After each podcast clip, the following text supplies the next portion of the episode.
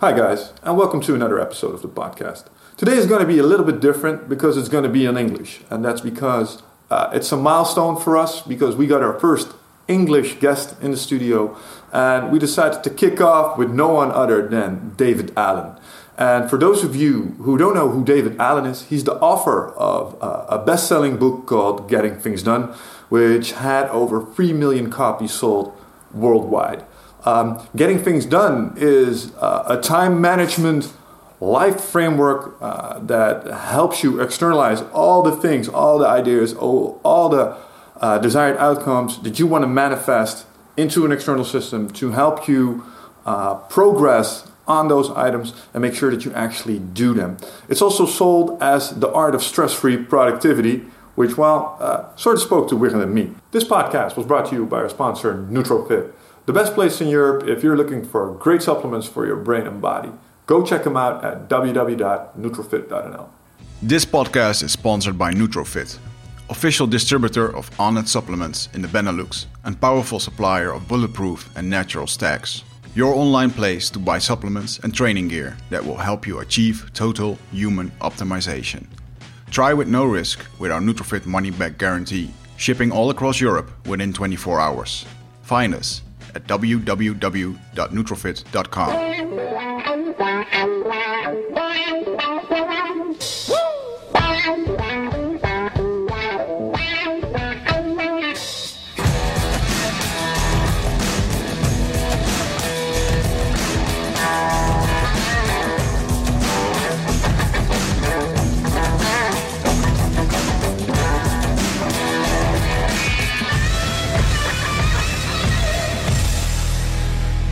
All right, boys and girls.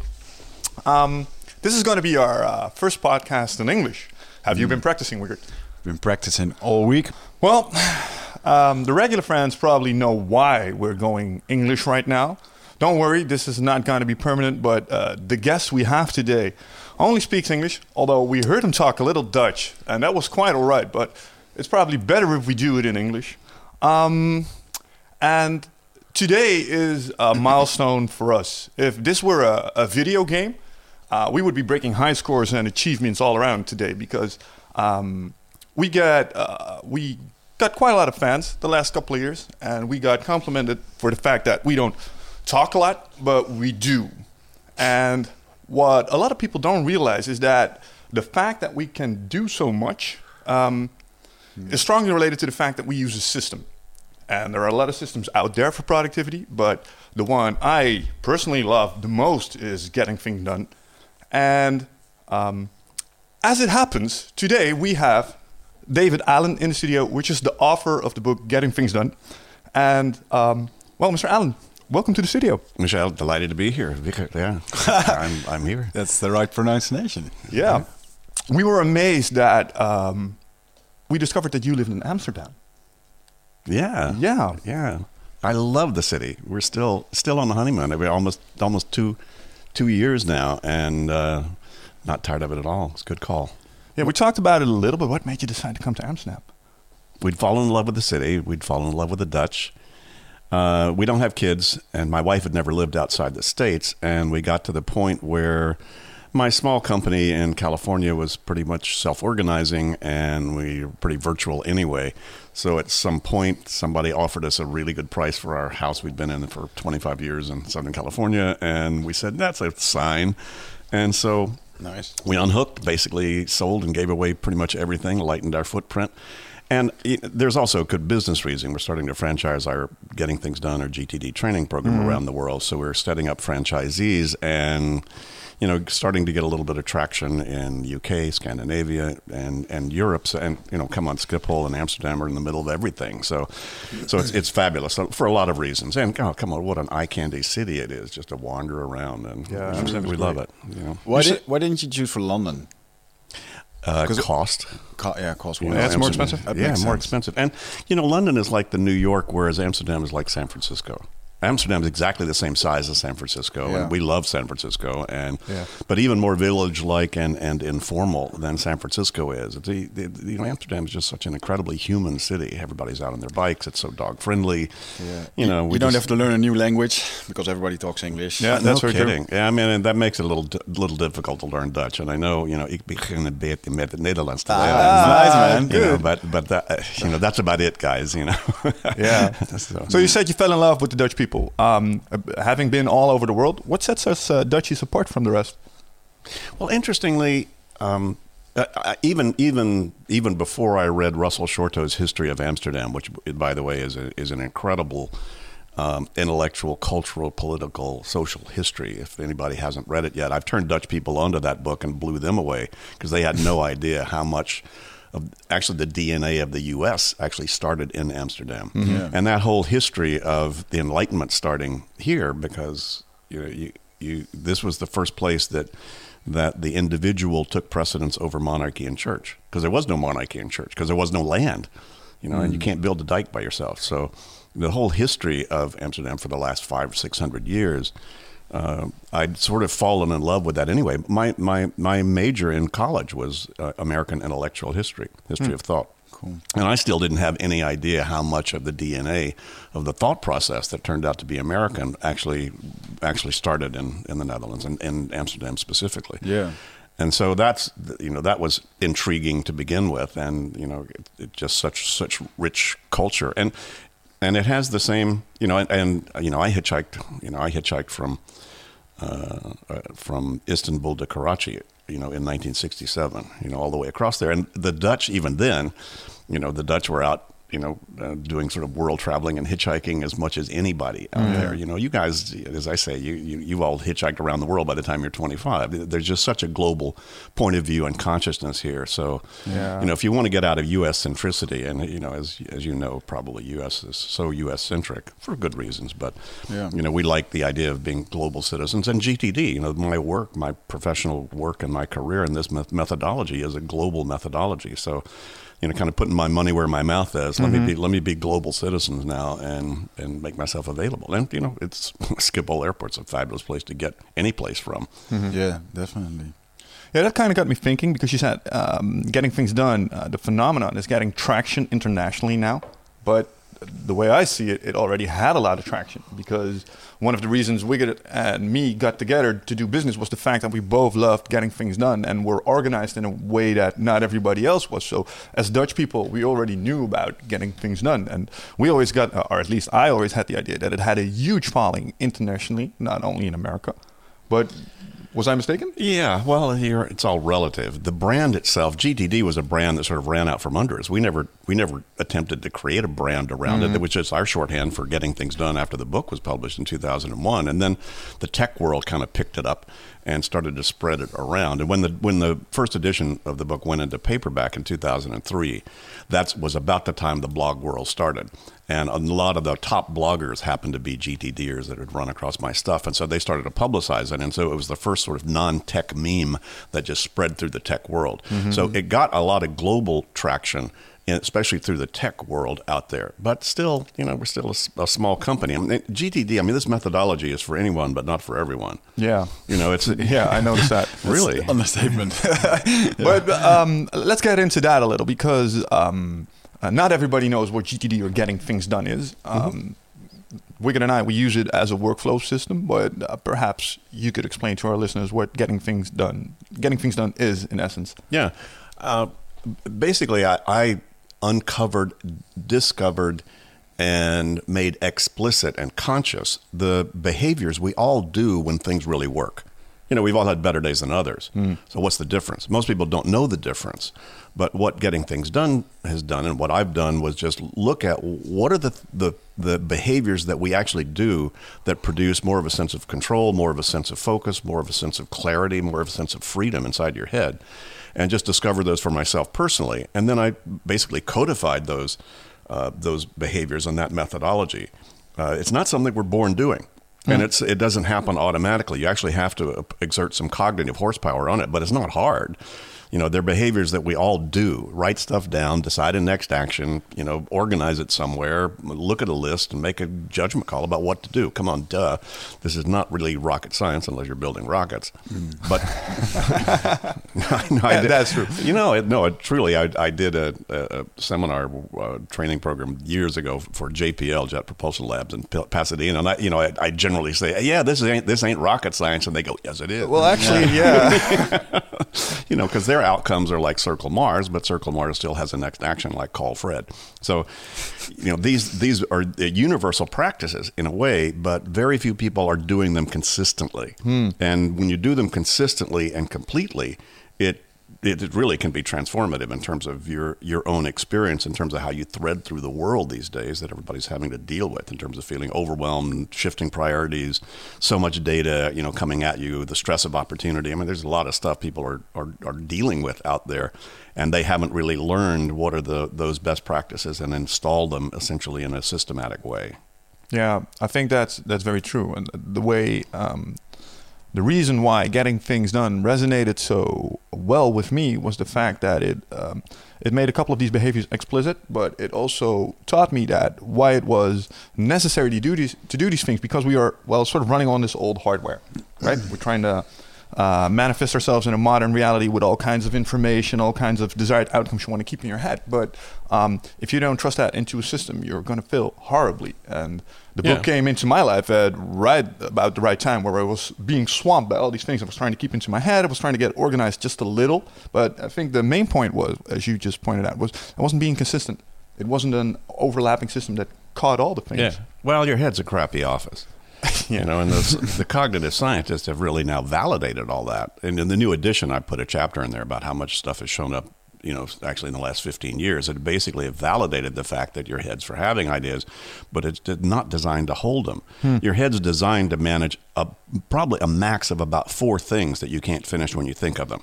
They used to think it was seven, but now new research is basically four. Maybe that's after WhatsApp. You know, who knows? Yeah. You mm. know? but, but it, it, it, your brain is not designed to do that. Your brain is designed to do very brilliant stuff, like it recognizes patterns in the moment based upon you know long-term history. That's why I walked in here, and you walk in here and go, "Oh, microphones, people, lights. Okay, I know what this is." Mm-hmm. That's very brilliant. The computers can't even come close to that yet in terms of what your brain's doing. But you forgot where you left your damn keys.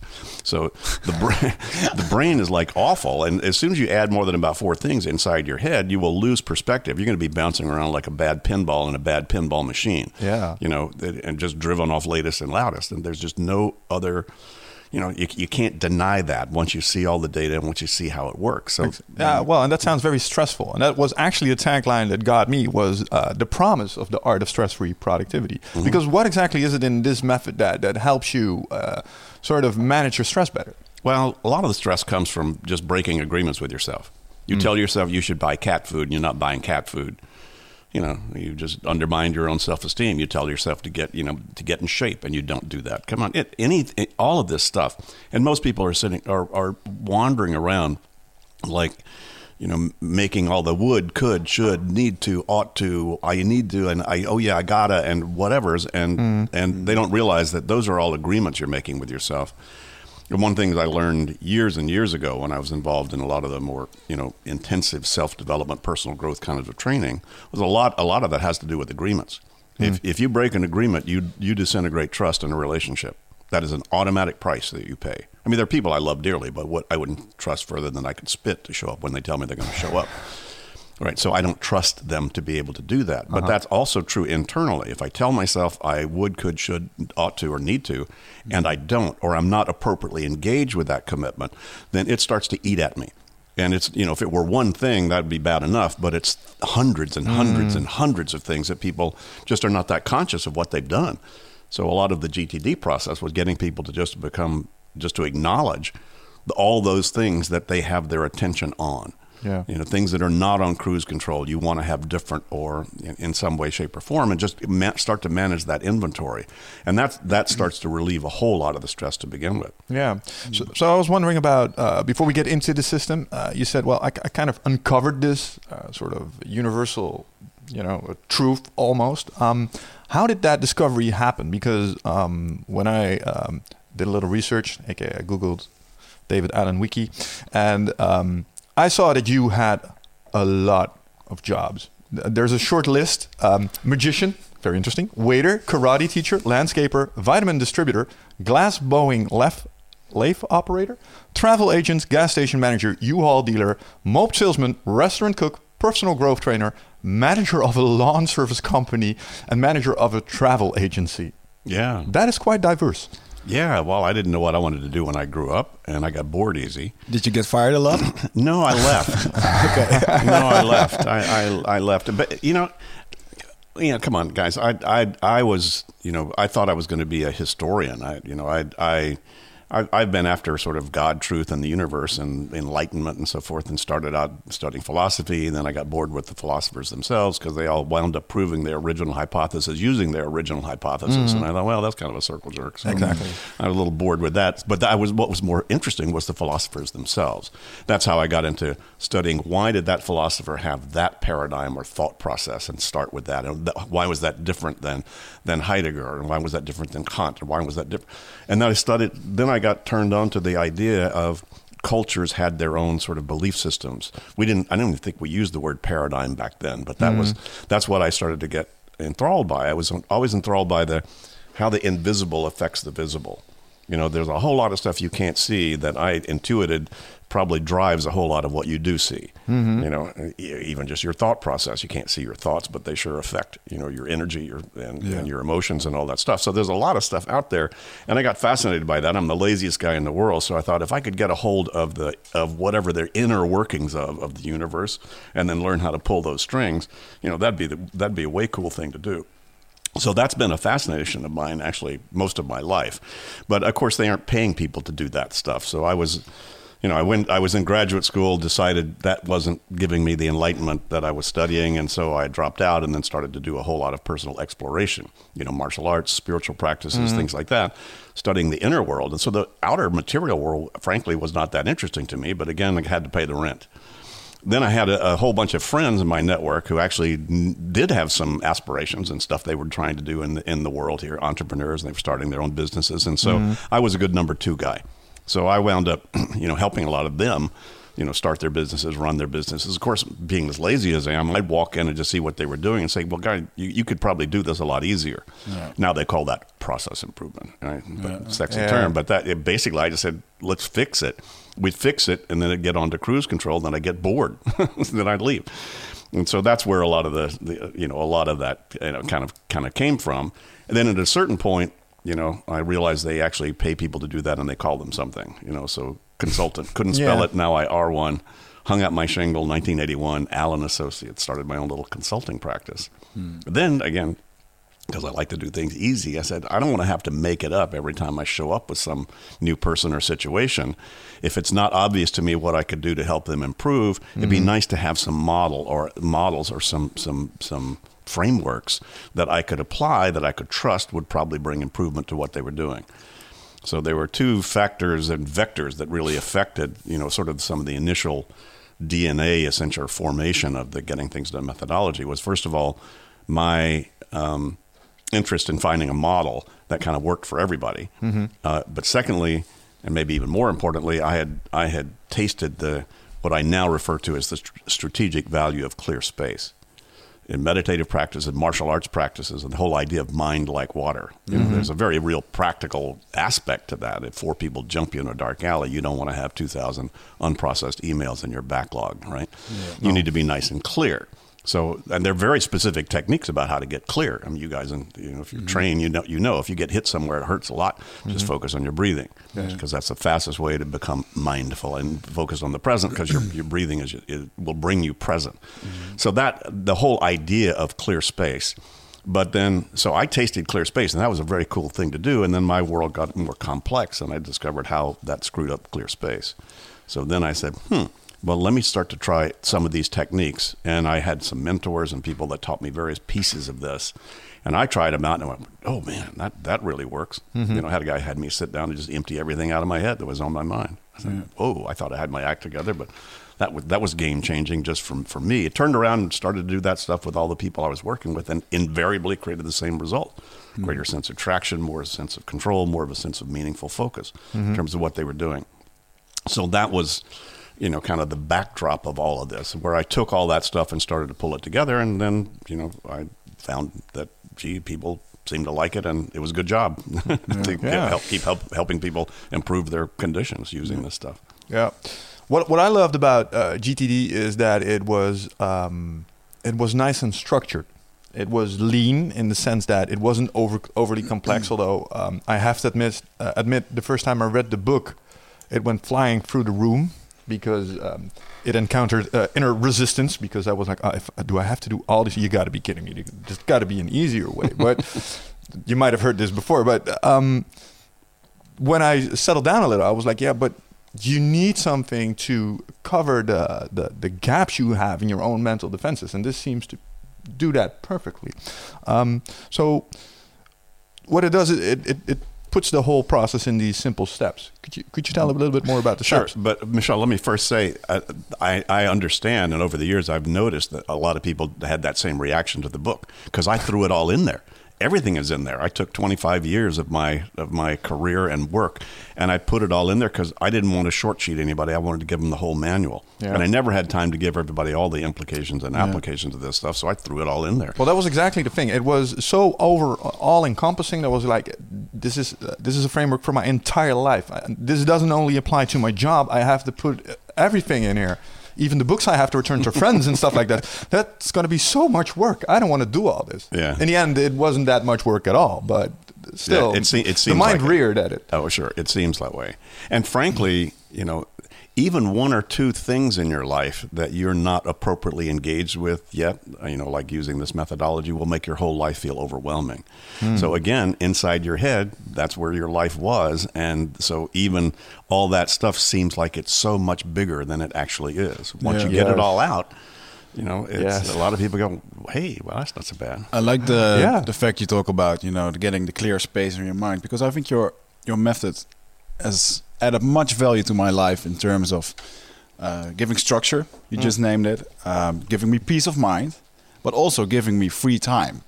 But most importantly, actually being able to enjoy free time because Yeah. you have a free mind. You know, because a lot of people they plan out free time like, oh, I don't have to work but they're still busy with work because Yeah. their mind is all cluttered up with all kinds of stuff. And being able to just have free time and not think about everything, that's a game changer. Yeah. Well, the, you know, everybody talks about time management. You can't manage time, guys. I mean, you don't mismanage five and five minutes and come up with four and a half or six. Exactly. You can't put 25 hours in a day. Time just is. You know, what you really need is space. So to your point, the- what when when you talk about just the clarity and the space and the freedom inside, that's that was my driver for this too. Mm-hmm. I'm not a naturally organized guy. You can ask my wife. You know, no, really. But the the reason I discovered this and uh, started to apply it was because I love spontaneity, trusting my intuitive judgments, plan as little as I can get by with. But I found I couldn't afford to do that unless I had this structured. If I was trying to live in a complex life, I had to have essentially an equally complex system in order to mm. be able to simplify it. So it's a cybernetic principle. So yeah, exactly. It feels like augmenting your brain a little with a, with something external. Exactly. It takes over certain functions. y- it's building the external brain, which is now the cognitive scientists now now are, are clarifying that that you need that, and if you keep a calendar, you're already doing it, right? You're already saying my head can't do that, Yeah. right? And so the the whole idea of being able to externalize all of it. So yes, it's it augmenting, but augment is you know exponentially. Hmm. You know, it's like, well, you know, you should try to memorize everything, keep your brain active. I say, well, right, I understand you should probably walk or run everywhere, but don't you like the car and the train? It's faster. It's a whole lot faster. You can get a lot more done with a lot less effort. So leveraging that augmenting augmentation, but basically being able to leverage your intuitive judgment. Uh, you know, that's really where all this is. I don't know how long I'll be preaching this, guys, but you'd think people would get this soon enough that your head just really doesn't is not the place for it. But I think people, I think it gives people a false sense of control to keep everything in your head. Yeah. Yeah. I think it's overestimation as well. Oh, sure. And I think it's hard to get a new habit into it because I think um, a new habit gets integrated in your brain after 66 days, I think, continuous practice. Yeah, 45 days. So you really have to put in the effort to make it work. Yeah, I'll give you two years. Yeah. Come on, it takes two years to learn the banjo, two years to learn Italian, two years to mm. learn to cook. I don't know how long it takes to learn to be a parent. You know, but those things, and this is a lifestyle, lifelong lifestyle art. Do you how do mean- you, how do you manage the flow of life's work and and and and the, in the complexity in the worlds we're living in? So, to, trying to assume that you can do this overnight, you know, it's like it's trying to assume that you could speak Dutch overnight. Yeah. yeah. So you know, I think you can teach someone the basics, but the the internalizing is in the doing Sure. daily. You don't think about brushing your teeth. Right. And that should be the same for getting things done, but I can probably teach you how to brush your teeth in a day. Well, there's the five eyes. First of all, you have the information about it. That may give you the inspiration that you could do it and it'd be cool. But then you have to the installation of it, which is I got to start to set it up and actually start to do some stuff, put stuff in it. Then you have the implementation of it, where you're actually using some of these basic blocking and tackling techniques. You know, the mm-hmm. two minute rule, keeping a list, deciding some next actions, keeping most of the stuff out of your head. Mm. And then there's the integration part where you can't can't remember when you didn't do this Yeah. But that's a that's a that sequence and that is how you really learn and integrate anything you know until it becomes habitual to your point. The cool thing about it is this stuff improves situations immediately. So you don't have to wait two years to you know to get some value out of it. If you just write down a few more things than you're normally doing you'll sleep better. So for the people that have been practicing getting things done, do you support um, people finding their own way in it, or do you think the the method you describe as in your book, um, that's the one how you should do it? Because for me, uh, the two minute rule is a five minute rule. It works better for me. Sure. Why is it two minutes, by the way? well two minutes is pretty much the line it, basically if you're not familiar with it folks listening to this Yeah. you know the two minute rule simply says once you decide the very next action on something if you're going to do it ever do it at all and it takes less than two minutes it would take you longer to organize it than to do it So it's just, that's just where you draw the line on that. And Yeah. hey, I you know I, if I'm I'll be flying to I don't know Chicago sometime next week, and and you know with the eight or nine hours on the plane, I've got you know I'll have the ten minute rule. You know, Okay, so yeah. it, this it doesn't say that's a hard and fast thing. Nothing is really hard and fast in there except the truth of the principles, mm-hmm. and then how you apply that. I mean, your head is a crappy place to keep stuff. How you get it out of your head and into what places you put it, that's up to you. Mm-hmm. You know, but don't kid yourself. If you file a commitment with yourself in your head, you're going to give it, you know, more attention than it deserves, or not as much attention as it deserves. You can't, you can't disprove that. So that's some of these principles are inviolate. Also, if you haven't decided the very next action step on something that you're committed to do, you're not appropriately engaged with it yet, and it'll still bug you. Mm-hmm. So there, there, you know, what I have uncovered are the thing, the algorithm that you actually have to apply if you want to get that stuff off your head. Yeah. That's an interesting facet of uh, getting things done as well. Uh, if you look at other uh, protocols and frameworks, they usually talk about goals and getting goals. But the thing that getting thing, getting things done talks about is grab what gets your attention, which is a different thing. Because if I ask someone to write a list with their goals or write something that's bugging you and on your mind right now, I get two different lists. It may be. Sometimes a person's goals are what's on their mind. See, GTD starts with where you are, not with where you should be. Where you are could be at any of these horizons. The truth is, you're right. Most people, what's most top of mind to them is not fulfill their destiny as a human spirit on the planet. Hmm. It's cat food and babysitter, and, and my printer just fucking broke. And you know, you know, that's that's what's got people's attention. And the problem is, if you try to then do the aspirational vision stuff, and you can't control your day, Yeah. you're just Yeah. adding you're adding insult to injury for that. And so what happens interestingly is when you actually handle the mundane details of your life, it opens up space that, that it's almost like the bubble uh, inspiration at the higher horizons just bubbles up naturally. Yeah, but that's where progress lives, right? At the action level. And I think that's a, a very important lesson that GTD taught me as well. Is um, if I start looking at my horizons and I start putting, uh, you know, a markers on those horizons, I want to go there, and I start peeling it off. All of a sudden, it becomes very clear that these first actions are actually unlocking things that will get me there. Exactly. And that was a big eye opener for me. That got me to do stuff, mundane stuff that I wasn't feeling like doing because it wasn't as glorious as hmm. the higher horizons that I was thinking about. Yeah. I wrote an essay once called The Magic of the Mundane hmm. about that very point. That there's so all the mundane things you do are essentially tied and connected to who you are as a human spirit and why you're on the planet and actually what you're doing. So just unpacking all of that is a fascinating thing, and you don't have to go very far. You know, you just just take a look at current reality in terms of who you are. Just unpeel it down at all those subtler levels. Yeah, I was looking at um, my goals and you know for the next five years or ten years, and I'm breaking it down GTD wise, and it reminded me that it kind of unlocks un- unlocks the law of attraction as well mm-hmm. if you do it the right way. I mean, just start building and start doing it, and things get bigger and things go. They go by themselves at one point. You are familiar with the law of attraction?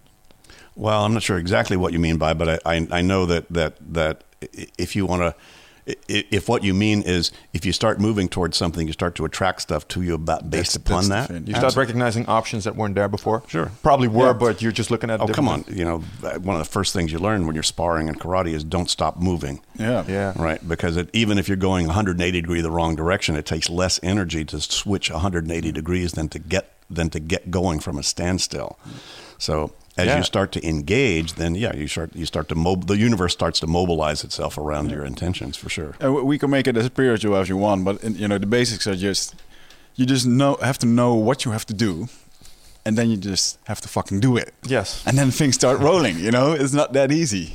It's not that, not that hard. I mean, You know, th- come on, guys. The zeros and ones of productivity. I mean, you you've got a theme of productivity here. That productivity simply means you know pr- producing some desired result or experience. Mm-hmm. So if you're going to a party to boogie and you don't boogie, that's an unproductive party. Yeah.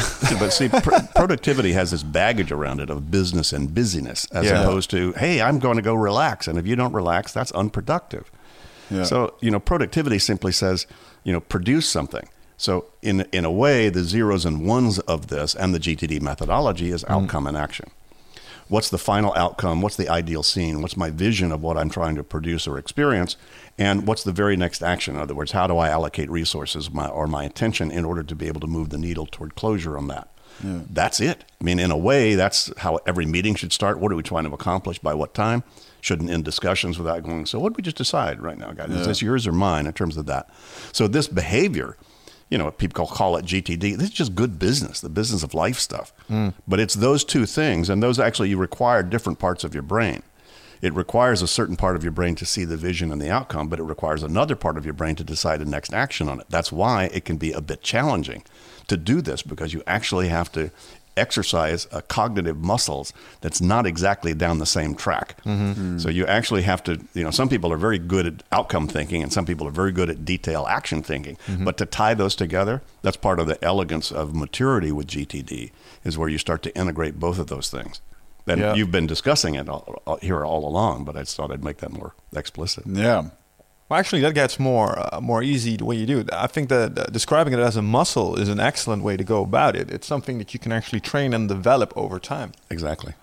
Yeah, that's very true. But um, to get uh, a little bit a little bit more under the hood of um, getting things done, because there are these steps everybody can go through that actually help a lot in making this happen. Um, how do you go about this? Well, there's five steps we recognized about how you get anything more under control and more appropriately focused. And those five steps are to capture, clarify, organize, reflect, and engage. Capture just simply says what's got your attention, what's not on cruise control about a situation or, or anything. Uh, and then clarify. Clarify means okay. Once you determine what's got your attention, what exactly are you going to do about that, if anything? And then organize the results of that thinking in some trusted place. So that then you reflect and reflect on and sort of review what the whole gestalt of it is so that then when you decide to take a nap or have a beer or write your business plan that's that is exactly a trusted choice about what to do and you know you're not missing anything. Mm-hmm. So it's really a set of, of practices that move you from hope to trust in terms of what you're doing. And that, that's how you get your kitchen under control Mm-hmm. you know, have you ever had your kitchen look like somebody attacked it when you got home? Got home and you got somebody coming over, you got friends coming over for dinner in an hour. You know, what do you do aside from, you know, just drink or go to a restaurant? You know, what do you do if you if you're going to handle the situation? First thing you do is recognize what in the kitchen is not where it should be, the way it should be. That's the capture step. Right? Mm-hmm. What's not on cruise control in the kitchen? Then what do you do? You clarify what, ooh, that's bad food. Ooh, that's still good food. Oh, that's the spices. Oh, that's a dirty dish. That's a clean dish. So now you're clarifying what those things mean to you. Then what do you do? Well, you put clean dishes where they go, you put dirty dishes in the dishwasher, you organize, in other words, based mm-hmm. upon what you decided these things are and what they mean, then you put them where those things go, mm-hmm. right? Then you step back and say, well, gee, okay, I see the, the kitchens, here's where it is, where's the recipe, what time is it, are they coming over? And you melt butter. So those are the five steps.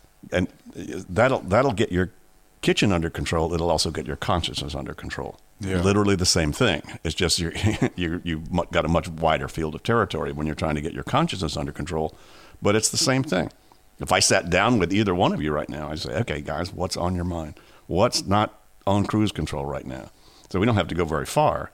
Oh, I need cat food. Oh, I need to rewrite this. Oh, I got to finish this blog or this post or this uh, podcast. Whatever those things are, we just we capture all those things that have your attention. And by the way, for most people, the most mid to senior level professional folks, anyway, that we coach and work with one on one, that takes one to six hours just to identify what's on their mind, not to do anything with it. Yeah. We just write it down. Cat food, get a life, get a hire an assistant. You, know, You mean the entire dump of what the the, the En- cloud that's you entire know, all over entire. Yeah. core dump, yeah. And then then once you've done that, then you need to go to the clarify step, which is okay, is this an actionable item what you wrote down? Yes Mm-hmm. or no? And if it is, okay, what is the what's the very next action you need to take? And if one action won't finish it, what's the project you've got here?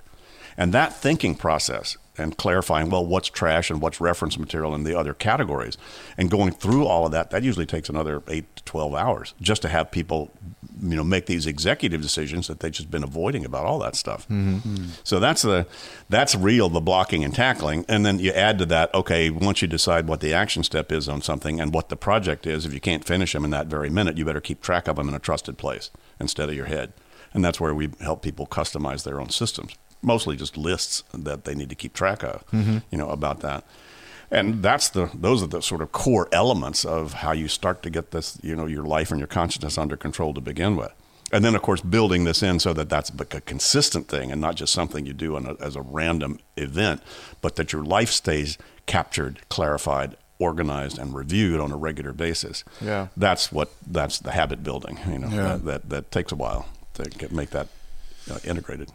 I uh, remember when I started getting things done, which was about 2003, I guess. Um, one of the big big issues was making lists, making projects, and you got it all mapped out, and then procrastination came in. Yeah. Does that sound familiar? yeah. Oh, yeah. No, you're, you're the only person who Oh, who's yeah, ever, yeah. ever, ever. I know I'm different. Yeah, is- I don't procrastinate, do you?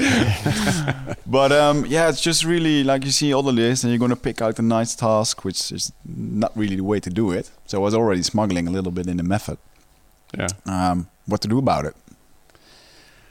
Well, there are a lot of reasons. I mean, you know, lot, everybody's been studying procrastination for years and why that's true. Uh, you know, one of the things that, that I've discovered when people actually start to implement getting things done, it unsticks a lot of that. The primary reason, my, in my experience, people procrastinate is that the, the greatest human fear is the fear of feeling out of control or being out of control.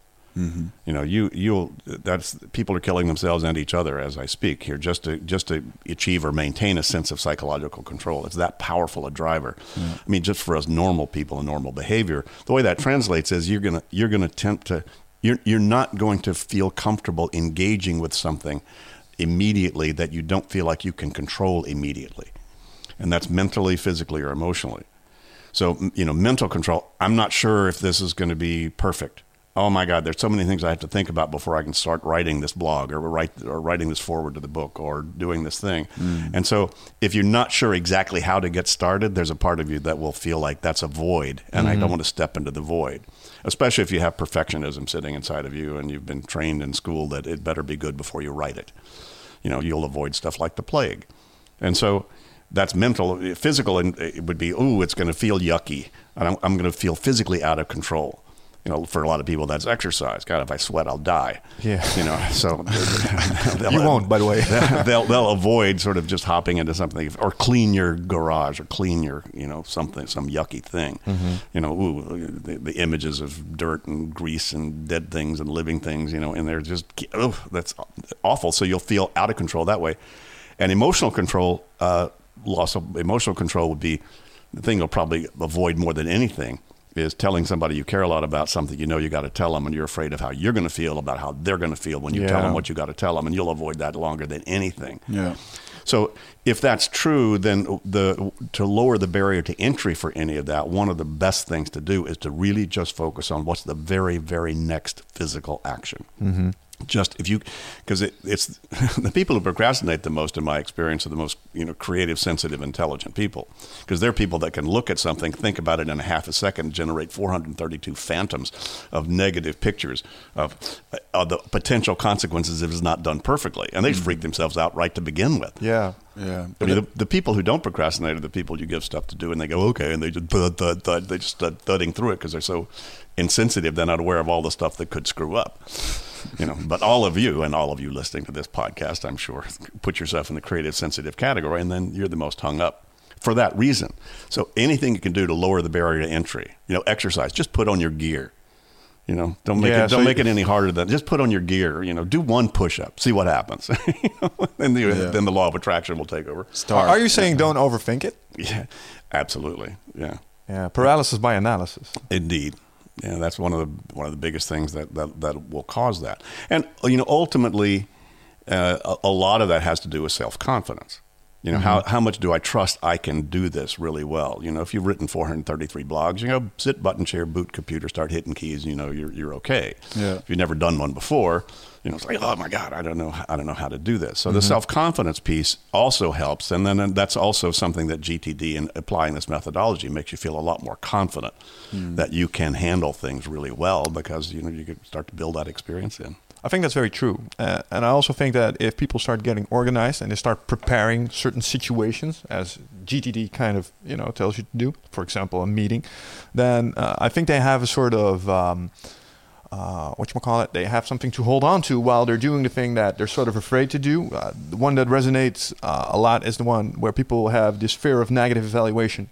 Uh, my first action is something where I have to tell some somebody uh, a thing they probably won't like, or I at least I think they won't like it, and I'm very scared of the way they're going to react to me. Right. And I think if your confidence is higher, that you find it way easier to do these things. Sure. But I find that if I have a little agenda for one of those meetings, I feel way more confident. Sure. Yeah, well, it's getting your ducks in a row, as we say, you know, and, and that, that, that makes a huge difference for why, sure. Why are we so afraid of the opinions of others? Oh, I don't know. Well, you know, they the people who studied this years ago when I was doing a good bit of study on self-talk and affirmations and visualization and all, all that kind of stuff. You know, I read the, the statistic that the, the the average the average person's self-talk is 85 to 90% negative. You can't do this. I'm not going to do this. I'm just going to hurt the whatever. And that matches something else. And it matched a, a statistic that if you grew up in a healthy U.S. home anyway, uh, that guess how much of your feedback was negative and critical? Yeah. 85%. So there seemed to be a, quite a matchup between, hey, don't do this, you're going to hurt yourself, da, da, da, da, da, da, da, da, da. And so the, the negative self talk is so built into our culture. We're conditioned. Yeah, uh, very, very much conditioned. You know, if I beat myself up first, nobody can beat me up afterwards. You know, and so that the, the sense of, of, of oh you know I can't do that. I you know really is is to s- try to stay in your comfort zone and not feel like you, you, you screw up you know that you that you you go out and make a mistake.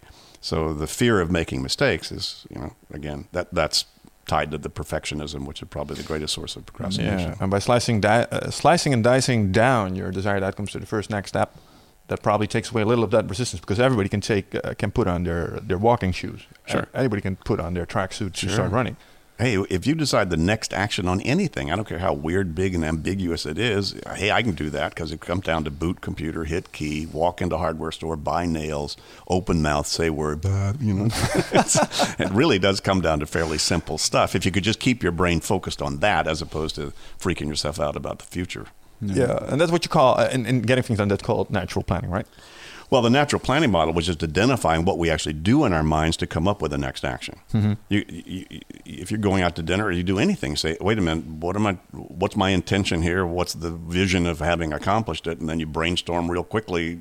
What are all the potentially meaningful things to make your vision happen? And then you start to organize it, and then you come down to a next step. Mm-hmm. So that is the natural. That is naturally how we get. You know, how we do anything. Yeah, although I find that uh, the the two most important steps that aren't really that um, um, common practice are the, the first two, like asking the why question: Why am I exactly doing this, and what does it look like if this was a great success for everybody?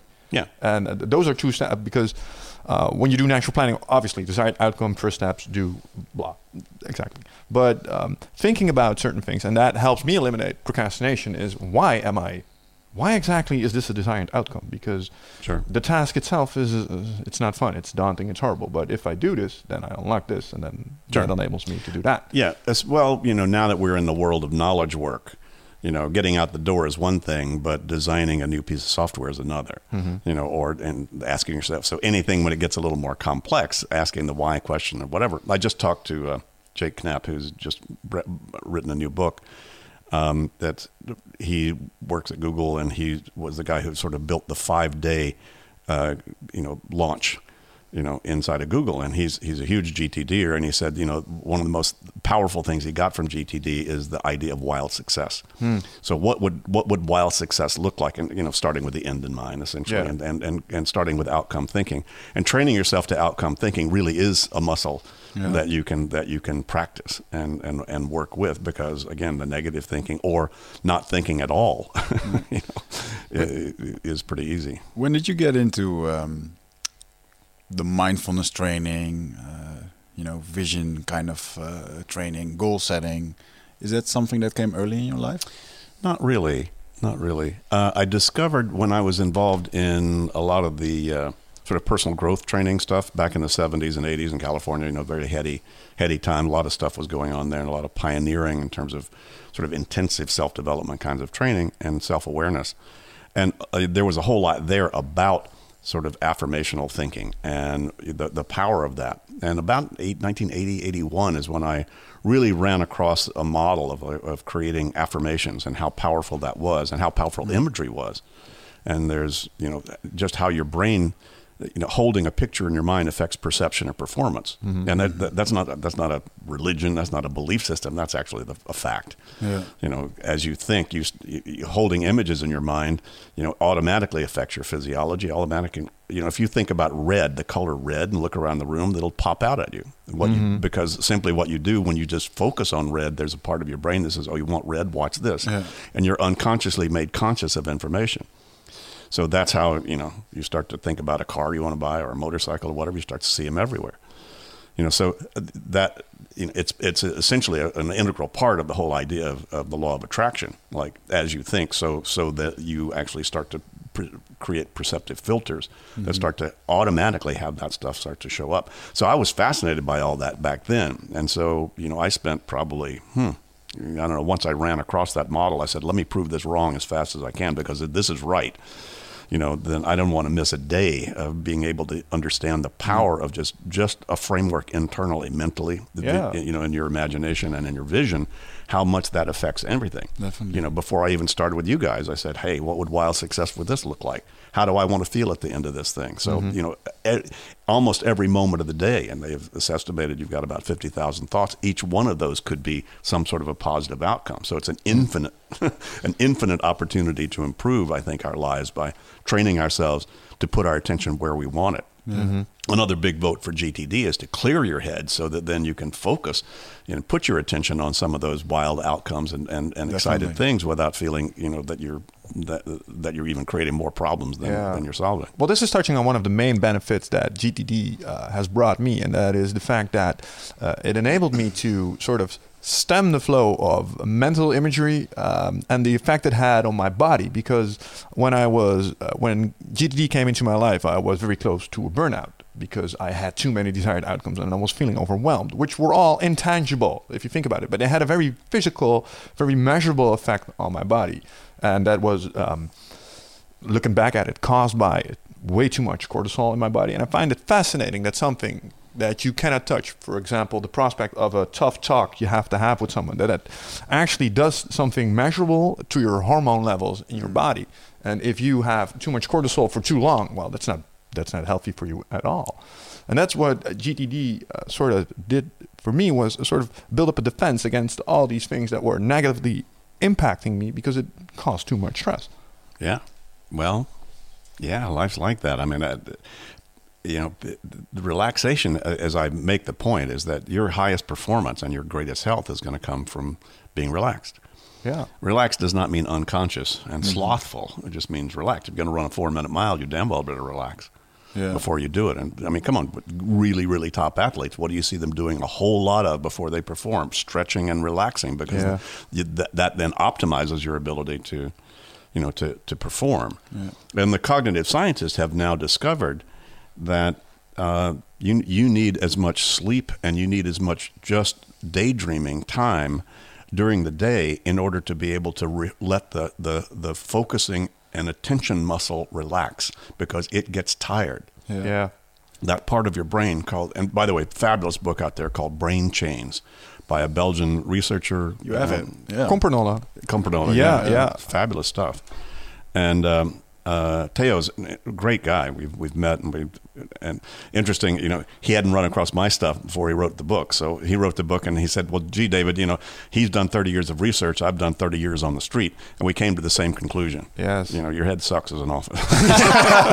That's nice. Yes. What's what's the the um, the time period for uh, being focused? I mean, if you look at your working days. Um, what do you think of you know our office culture where we work eight to nine hours a day and you have to be focused all the time, sort of. At least that's what trying, mm. but it's not very applicable. How um, how do you manage your day? What what is your actual working time during the day? Of do you I I, I don't do anything consistently except wake up. Mm. I, I, I, and even that's questionable sometimes. Mm. I sleep as long as I can. Yeah. Um, and uh, I, I don't make any plans at all whatsoever. My rule of thumb is basically what most got my attention.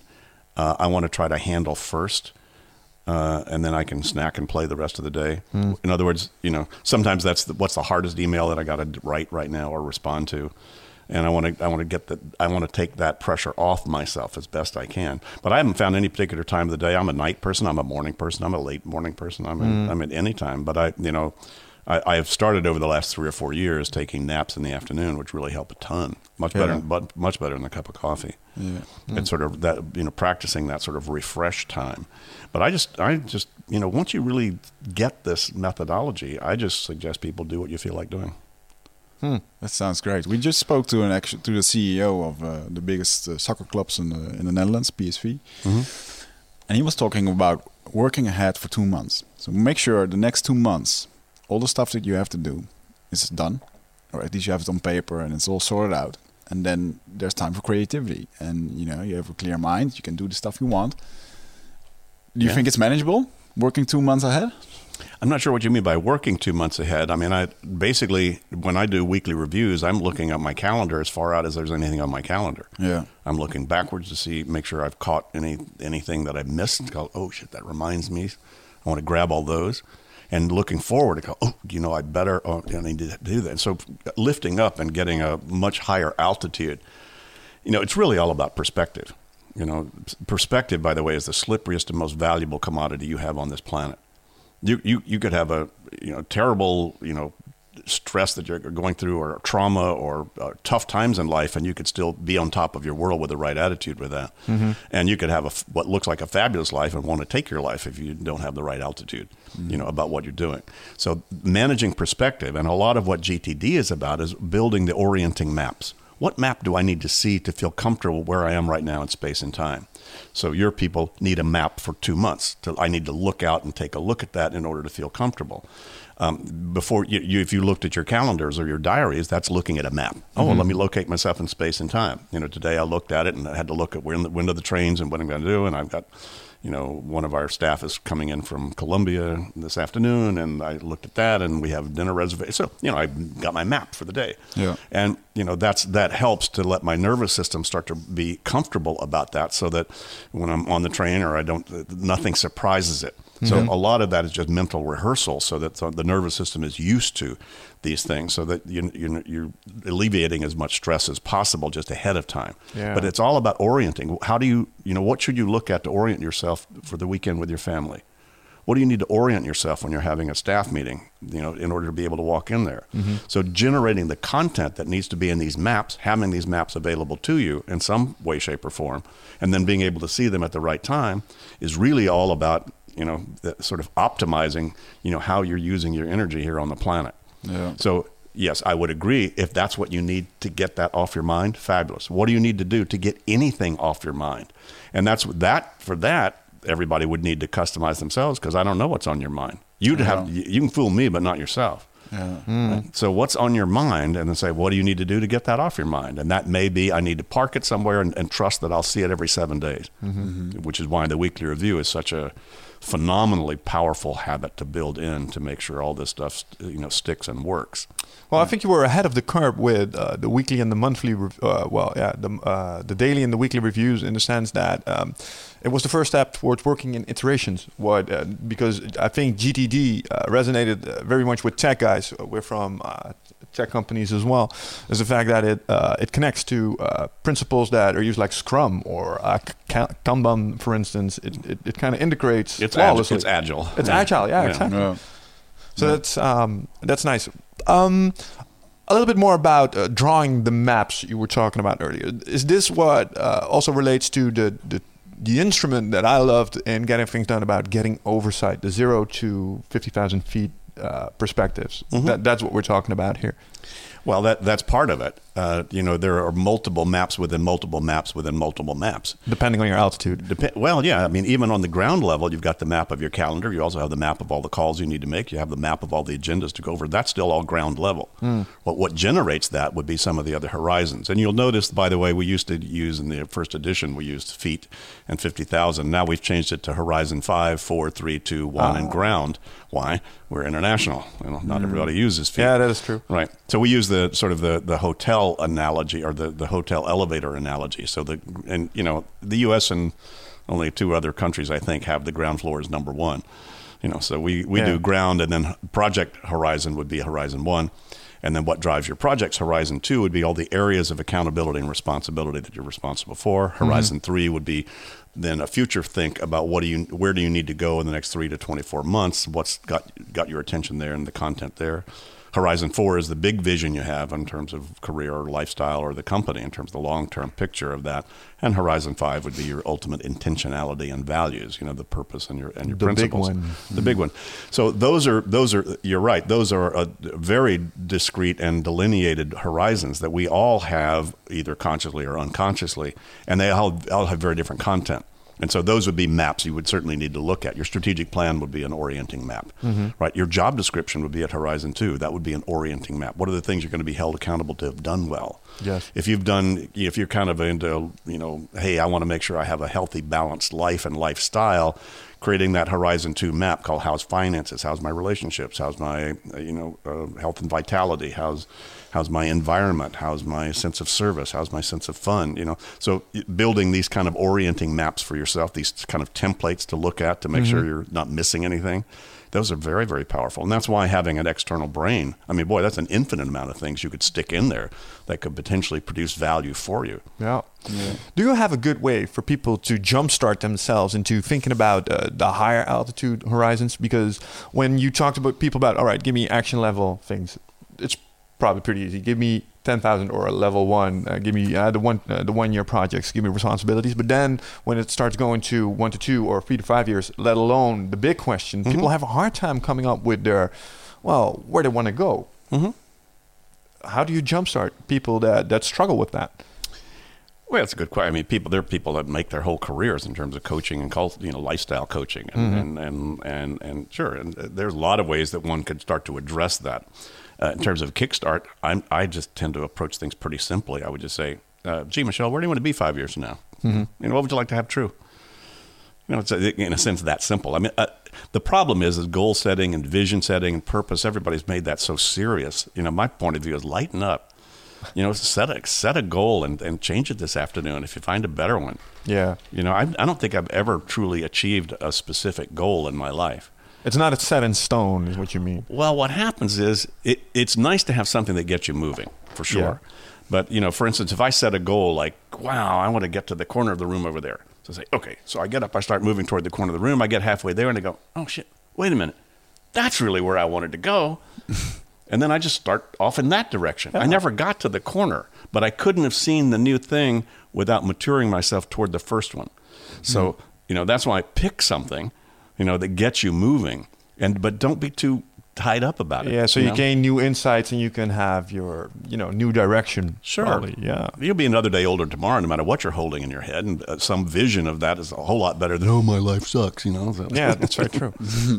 so was it? uh, Um, well, that kind of answers my next question, but I'm gonna, you know, ask it nonetheless. But was it always uh, clear for you what you were going to do? Your 50k, so to say. Are you kidding? No, probably not. Right? Looking at all the jobs you it's had, still not. It's still not. Are you kidding? Is it more defined now? Now that you're Yeah. on this GTD uh, Yeah. bandwagon, so to say. Yeah, well, fifty thousand was pretty much that was pretty much clarified for me when I got involved in spiritual work. You know, as I started to actually experience, you know, how all the different levels, you know, in terms of of you know who we are and what that's about, and actually started to taste some of that reality. I mean, that was pretty clear that you know top level game for me was to was to keep going with that and do that as best I could hmm. you know, and basically find out, you know, what the upper levels of, of consciousness and, and spirit are before I die to find that out and found out that there are actually ways to do that. So that's kind of when you actually experience that, that's a pretty, that's a pretty profound driver, you know, Yeah. in terms of, in terms of priorities. But in terms of what I was going to do in the world, you know, uh, that took a long time for me to start to, you know, sort of catch that. And I had a good friend who coached me on that to begin with, that, that really kind of got me on the path of, of, of just professionally after all those. I don't know what I want to do because, frankly, it was the spiritual stuff that was more important to me. Yeah. So how do you then set goals here when here sucks? You know, relative to that, you know, or it doesn't suck, but it's you know. And then I discovered, you know, God obviously doesn't want me to leave anytime soon. As long as I'm here, and probably there's a good reason for me to be here. So let me just try to figure that out. And I had a, a friend just coach me on. it. He was he was great. He said, David, what's your biggest fantasy? And just, I think that's a good way to approach it. Called, you know, don't be, don't embarrass yourself. Just go, what, what's the fantasy that you would have? And I said, you know, at the time, and this was, ah, be president of the United States. and he said, why? Because I, I, when I was nine years old, I carried a penny around with me because it had the picture of Abraham Lincoln on it. And Lincoln was, even as a kid, I just intuitively said, I, I want to be, well, when he asked me, he said, why did I want that? I said, I want people's attention because I have a real driver to help people. Hmm. You know, that's a deep, deep value of mine is to, is to, you know, be, is to facilitate people improving their lives, you know, in, in, in any way, shape, or form that's positive. And so I said, I would get people's attention. He said, Well, what could you do now that could start to get people's attention? And I went, Oh, God. Okay. And I just, I had an idea then about what I could do to start down that path of the experience that I wanted that was inherent in the fantasy. So, I, frankly, I don't want to be president of the United States. Ah, there was something me. else about it. Yeah, no, yeah. no, thanks. But it, it- it was what was the what was the driver or the pull in there, and that was God. You know, that's so that was we're talking 1979, 80. You uh, know, mm-hmm. way, way, way, way. You know, I'm 70 mm-hmm. now, so keep in mind that I was born in '79. So he gave you some. Uh, you young whippersnapper. Yeah. really. So that that helped that helped a lot, and it, it got me on the path. By the way, just just a curious story since you're talking about you know visualization and the law of attraction. When I came across the affirmational process, I thought this is so powerful, but I would I agonized about well I don't know what to affirm because I didn't know what I wanted to I didn't really know what I wanted to do. Mm-hmm. And then I got had the big duh aha says I don't have to I don't have to know what it is. I won't have the experience of knowing it. Yeah. So one of my first affirmation was I know what I want. So I didn't know what the content was, but what I wanted was to have that sense of confidence I saw other people had who seemed to know what they wanted, and Yeah. that was what I was after. That's the part that that uh, yeah that that's what spoke to you most when looking at presidents. Their their confidence and their not presidents, but I was looked around and, and said, I know what I want, and that's that was six months before I'd had this other conversation, Hmm. and I was then had been affirming and affirming and affirming to get a place inside of me comfortable with knowing what I wanted, because Yeah. you know the way the comfort zone works is whatever you're used to, you'll automatically default to, and I was used to being confused about what I wanted. So I, all I did was, re, you know, I did the meadow game here of actually restructuring internally Yeah. my own conditioning about feeling confident and I knew what I, and every time I read that affirmation, you know, I would do it every morning. I had 30, 40 affirmations I would just read while I was having coffee. And I would just imagine myself in that state. Mm-hmm. And I just imagined myself feeling confident, feeling mm-hmm. on. But I didn't even know what would cause me to do that. I just wanted to create the comfort with that feeling. And then when that, my friend asked me those questions, boom, that thing was able to pop into gear. And, and I had a sense of now then what I wanted to do. that's neurological conditioning, Exactly. It's like spiritual psychotherapy. basically. Yeah, basically. But I, I think a lot of people are li- a uh, destination addict. Hmm. Once I get there, I'll be happy. Yeah. Once I get more money, I'll be happy. Hmm. And yeah, it's a shift of perception, you know, like Sure. um, you want more attention from other people? Start now. You know, do do it in your Yeah, own level. and it's funny because then you're affirming that you're not happy. yeah. You know, just just that thought, I will be. That's why affirmation should be done in the present. So Yeah. you start to feel comfortable with the present tense. Uh, Because people keep, oh, I'm going to be rich one day. I'm going to be rich. You start affirming that. Then what happens? You actually start to get rich. You'll let go of it because you're not almost there. Yeah. So people then start to affirm almost Yeah, in I've- their life. I, I went to a seminar last year of Elliott Hulse, who's a uh, fitness and health uh, guru on YouTube, millions of followers. I went to him to London, and we did exercises about um, affirmations and visualizations. And he told uh, told about um, having the what's the most powerful moment in your life where you really felt like yeah. And I, I have this pic- picture on my Facebook where I won a Brazilian Jiu-Jitsu uh, match. Uh, was in the semifinals in uh, in Rome, and I have this picture where I just I just won and I just screamed. It's really like in the action picture. You went And Super Saiyan.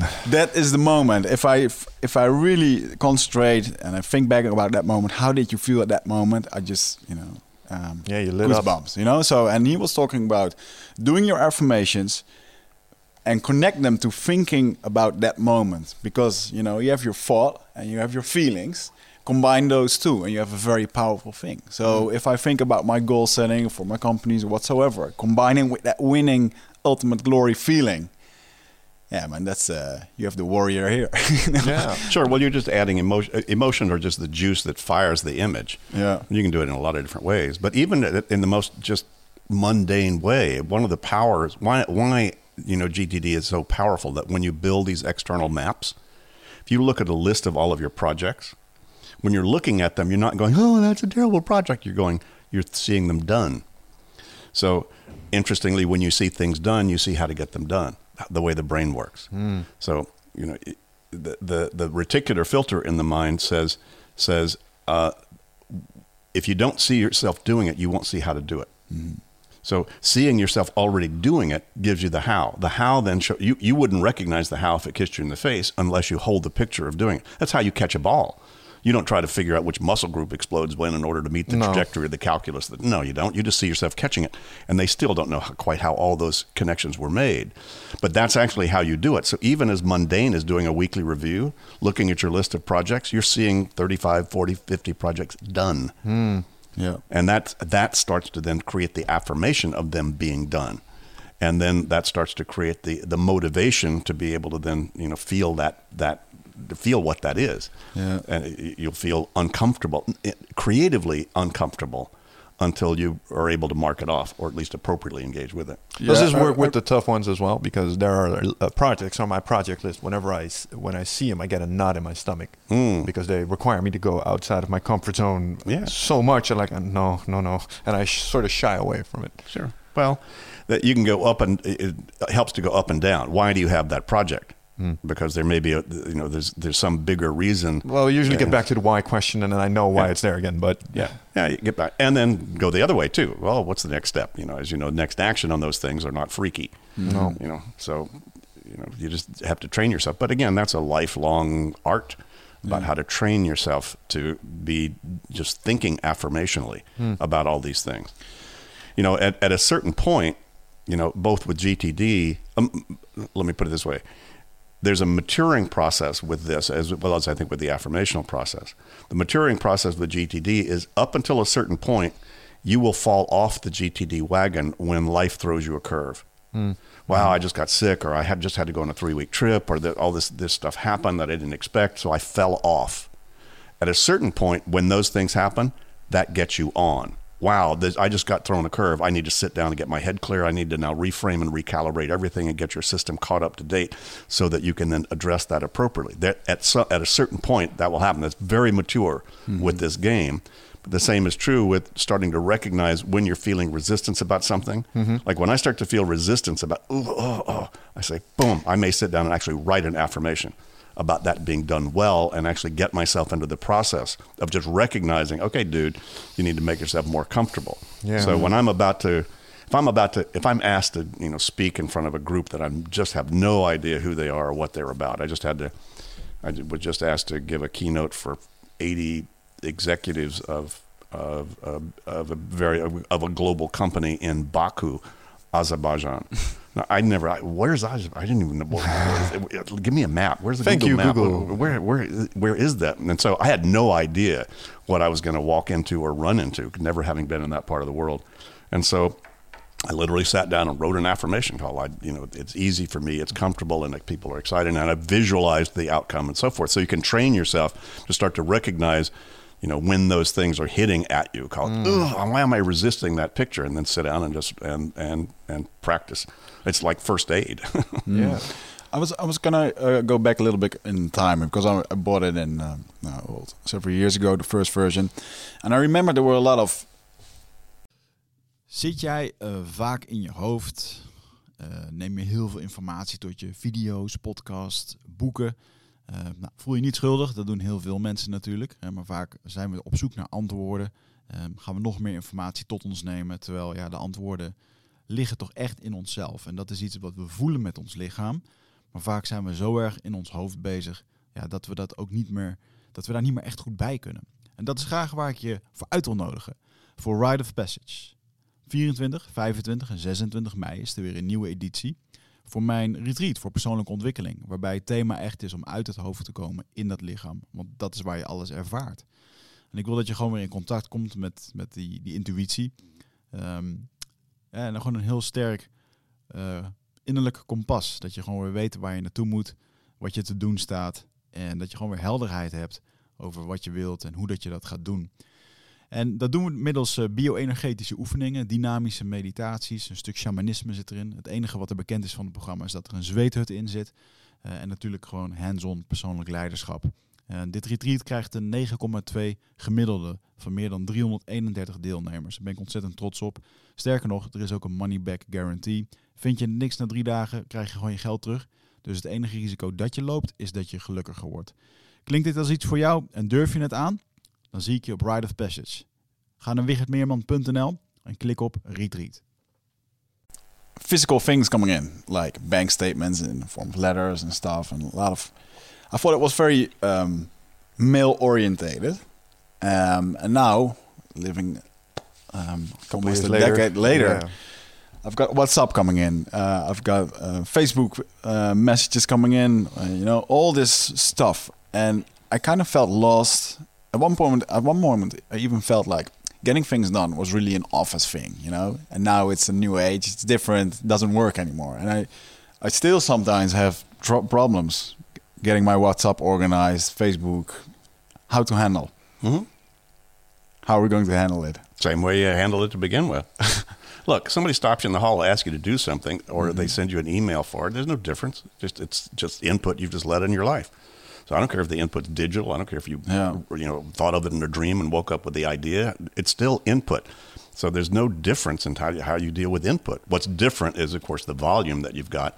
And the fact is, I was just talking to somebody, you know, that you, loves using Evernote as a system, and it, and he said, but the, the problem is, is Evernote is capture only.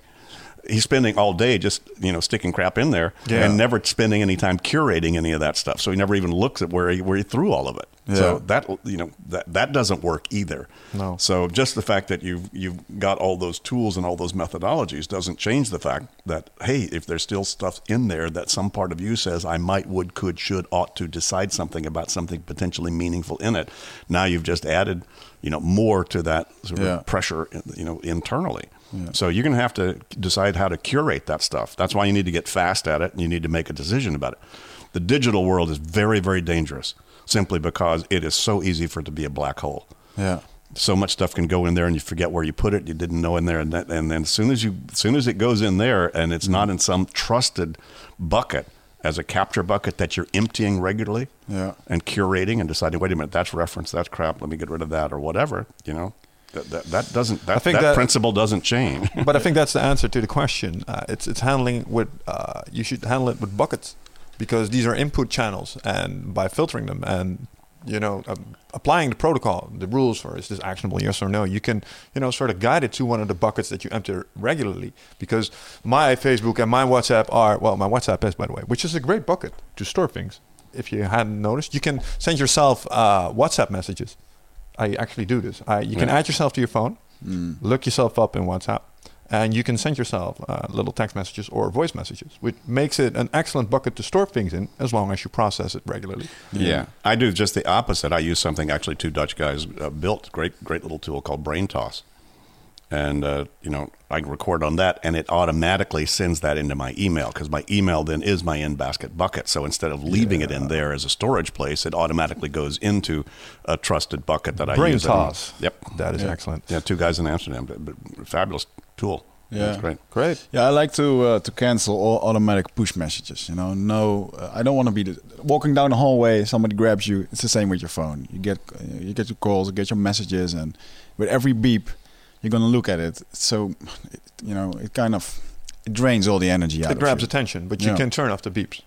I turn off the beeps, but I also turn off like my first screen on my iPhone is almost empty. Yeah, yeah. and no yeah. WhatsApp, no, No pop-ups, and no whatever. true. So, and that works pretty well. So I try to force myself to look twice a day at it, do my things, and Yeah. get rid of it. Well, I don't think there's. I mean, my, my screen is my iPhone screen's full of all kinds of stuff, FaceTime and and and uh, Facebook and and. But you're a and- black and- belt in getting things done. yeah, and, and a lot of that. See, I, I, I deal with all those like a cocktail party. You wouldn't spend your life in it, but it's nice to wander in and out. So I don't have any commitments internally that I have to do anything about any of that. But hey, sometimes that's a great way to let your brain relax a little bit, just kind of surf around. So I love mm. I love all that stuff. I just have no attention on anything lying in there. Yeah. You know, if that's been curated as it's come in. If it is something I'm going to do something about, that goes into my into my system. Exactly. You know, in some way, shape, or form. And you know, there are a lot of ways to do that. You get pretty facile on your iPad and your iPhone. You can send yourself stuff, but I don't think on my iPhone. That's too small a space. Sometimes I actually grab my iPhone, open up an app or internet or whatsoever, and then after five seconds, I'm thinking, why am I doing this? Why am I There was no goal whatsoever. Put it away. You know, it's just It's an addiction. Yeah? It is. I'm an read, addict. Read, read I knew it. Teo's stuff. you know. how It's to handle addiction. how to handle addictions. Yeah, those those well- kind of addictions. Yeah, well, you you go on a diet, you know, turn off the phone. See, one of the things that people, one of the reasons people get get caught into an addictive pattern, and that you know, and i- i- is random positive reinforcement. And there's no, aside from golf, there's no more addictive thing from random positive reinforcement than social media. As a matter of fact, the more random it is, the more addictive it is. Mm-hmm. So if you only get one cool email or mm-hmm. one cool WhatsApp for 99, you still come back. I mean, I don't know if you ever played golf, but a- one one good drive will keep you coming back and hit a thousand bad ones. Yeah. You know, so that so if you were trying to get rid of that, you know, you've really got to turn it off. Uh, You know, and and get used to not not paying attention to the ding. Because in Copernolli's book, he even says that he even quotes a a, a, a research you know, study that was done that even just having that phone in your pocket, wondering what's on there, creates a dopamine rush in your head. Yeah. So that's you know all of that is is very very tricky. It's tricky business to do that. The problem is is most people aren't doing GTD. They're not cleaning up all their backlogs, so they're constantly living in emergency scan mode. Yeah. Yeah. I'm not in emergency scan. I, I, I can go all day and not look at any of that because because I've got no backlog or my backlog's pretty small. Yeah. So I'm not sitting there wondering, oh my God, what am I missing? What am I missing? What should I be doing? What should I be doing? And if you get into that, that's very easy to then get into the addictive behaviors. taps into uh, Wichert's remark about enjoying your free time more if you have a good system to back you up because you know, well, I can relax now because the system catches everything. Yeah, Sure. Uh, it's weird how it how it goes, man. Like when I was 19 years old, which is 14 years ago, 15 years ago, I went to uh, to go backpacking for three months, and I actually left my phone because you know it was way too pricey to call at the time. Going to Thailand or wherever Yeah. For three months, no phone, and it felt great. And I didn't even miss the thing, you know. And then I got got back, and I was really like, I don't even want it, but you kind of need to in this to. new world. right now, going back into it, I mean, I just uh, uh, you know been busy with a with a tech startup for the last three years, and um, uh, I just sold it. So in September, I'm going off to the Amazon. Um, digital detox. Yeah. No phones, Indians, jungle. That's it. You Wow. know, and um, I'm looking forward to it. Yeah, Same here. totally. It's going to be nice Yeah, and yeah. quiet. it's gonna be quiet for you. Yeah, yeah, that's true. But um, uh, yeah, it's it's weird how we get so so distracted by all these things that are actually not really that important. that that thing about the jungle that kind of got me off a tangent again uh, because one of the um, the things we like to think about is a little bit of spirituality. I already heard you say a couple of things that you are actually um, well uh, quite spiritually aware. And uh, in doing my research, I um, I found out that you are, uh, I think, a minister Mhm. in the movement of spiritual inner awareness. Correct. What is the movement of spiritual inner awareness? I mean, I can read the text from the wiki page, but it's probably more fun if you tell us. Well, it's just a, a set of um, essentially educational uh, information uh, relative to the practice of sort of practical spirituality. Practical spirituality. Yeah, meaning, hey, try something. If it works, try something else. See if that works. Works toward what? Well, the end game, you know, basically of uh, of this is is getting off the planet. That is, stop the the the re-embodiment process, which can go on for gazillions of years. The idea of actually merging with the higher levels of spirit and God hmm. and and consciousness, and that's we're all we're all in all of that all the time. We're only just aware of barely 10% of it, you know, in, in the material world that we're hmm. in here. Hmm. So the fact is that you don't have to wait till you die to actually taste what some of those other levels are. And the spirit is a very delicious thing, uh, and it's you know profound when you get a chance. You know, and I've I've I'm not fully all fully there at all, but I have had certainly tastes of the reality of that, and it's much more real than right here. How did those? What did those tastes look like? Well, kind of hard to put it into words. It's Try. How did you get them? Yeah, um, Well- one was just you know tr- truly driving along one of those freeway moments, and suddenly I just uh, was in a transcendent form of consciousness and saw what we refer to as the the sound current, which is the the you know the flow of of energy that really is the essence of the universe. Yeah. And, and love is probably is, is the only it's the only word that you might actually use to start to describe kind of what it's all about. But it's so even that is so minor relative to the experience of it, and basically understanding that you know well I I, I actually wrote a poem about it. A moment is coming toward you. When all things of this world will reveal themselves as but shimmering shadows on a mighty rolling ocean of ecstasy, as but echoes of a divine symphony, pulsing, streaming forth, in, in, forth into the universe, and your being shall dance to the heartbeat of God. So, having had that experience, you know, you know it's kind of like, okay, that's the game, guys, and everybody's in it, and nobody's going to be lost, and it's all designed for us to learn what we need to learn in the process. That's very interesting because that makes a lot of sense. So, so what you're basically saying is that um, this is the soul transcendence that you that you guys uh, t- talk about in um, in spiritual awareness of inner awareness. But what you're saying is that you're sort of like a, a soul that's aging here, and the goal is to mature enough not to have to come back here. Correct. That's interesting. That makes a lot of sense somehow. And the thing going back to law of light and energy, it really resonates with um, DMT experiences, Yeah. ayahuasca kind of things. Hmm. And basically, what you just de- described, ask anyone who did ayahuasca, who smoked DMT, and got in this realm of I don't know, space, spiritual, spirituality, and love will say the same thing. Uh, and I think people with a high level of meditation practice will have the same. Uh, what kind of meditation practice are you in? And well, there are. There, we also work with a sp- particular spiritual energy form, and mm-hmm. many of the different uh, many of the different spiritual groups and so forth have their own sort of energy form. Oftentimes, if there's a, a master or a guru or mm-hmm. someone who's who work that, that channels that, and you know ours was channeled by something. It's a consciousness we refer to as the mystical traveler. You can call it whatever you want, but mm-hmm. there's always somebody that holds that energy field on the planet. Uh, the sound current I mentioned, by the way, the Shabda Yoga. There's a, if you, anybody looks that up, uh, there's a you know that that's a whole energy field, and there are initiatory tones that, that you is that is that a is that a spiritual concept or is this actually a measurable thing? The energy field you were referring to? Uh, I don't know if that is measurable. It's certainly experiential.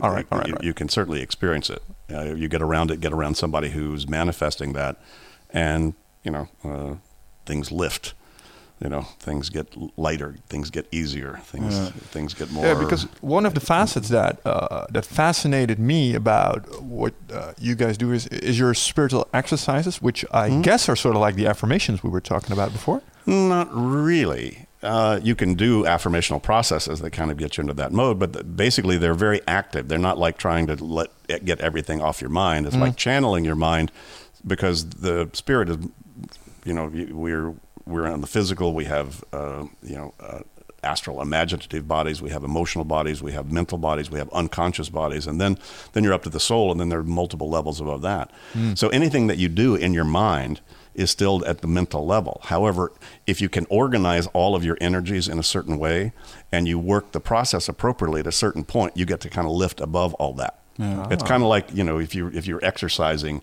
many times you start transcending the exercise itself, and you get into another space. Mm-hmm. You know, in that way, and exactly the same kind of thing. So there are, and again, when I say it's very practical, hey, you know, use any technique that works that helps keep you focused in a way so that you open up to the possibility of spirit touching to you. Mm. Yeah. And that's a, that's a very real thing. So yeah, I practice that all the time. Are you using the the um, what caught my eye was the fact that some of these spiritual exercises apparently um, have an element of chanting sacred Sanskrit mm-hmm. in your mind. Yeah. You actually do that. Mm-hmm. All right. Well, so what are these chants for? There, there are specific chants. Are they like prayers?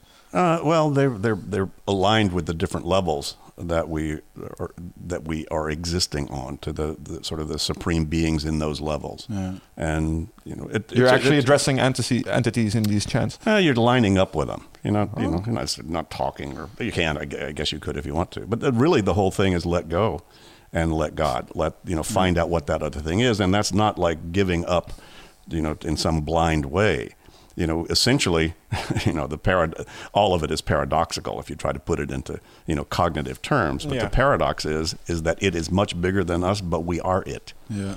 yeah. You know, and so once you get there, you realize, God, I, I am it, and it's and it's me. But then you have to be careful not let your ego sort of t- take take over, and this and is so very game. similar to the ayahuasca experience because I saw you nodding when uh, you're aware of what it is. Have you experienced yeah. it? No, I haven't experienced it, but I, I I know people who've been who you know played in that game and in, in that arena. What's, your, what's your opinion on that? I, hey, anything that works.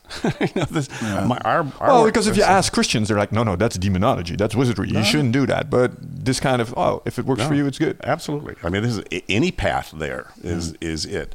Probably the the MSIA, which you know is the, the, the group that I work with, mm. it probably closest to something that you might that that might be more familiar to a number of people would be esoteric Sufism. So if you know the Sufis and how the, the Sufi approach to things, a very similar kind of energy, very mm. non uh, denominational and very sort of universal and kind of however you get there and, yeah. and sort of as long you know, as we, you get there. We yeah. call it sacred irreverence. Mm. You know, so you know everything is it, and there's you know everybody's got their own path to get there, and we're not actually. I'm you know the last thing in the world is is being a proselytizer. Yeah, you will find out, but you ask. So you know I don't you, you haven't heard me talk much about it, but yeah. nobody's asked that much about it. I, I was just wondering because um, it, it, apparently also um, has uh, elements of Christianity in it, but uh, apparently also uh, Hinduism, Buddhism, Taoism, yeah. a lot of these things. Um, just wondering from a theological standpoint. So uh, there's a pantheon.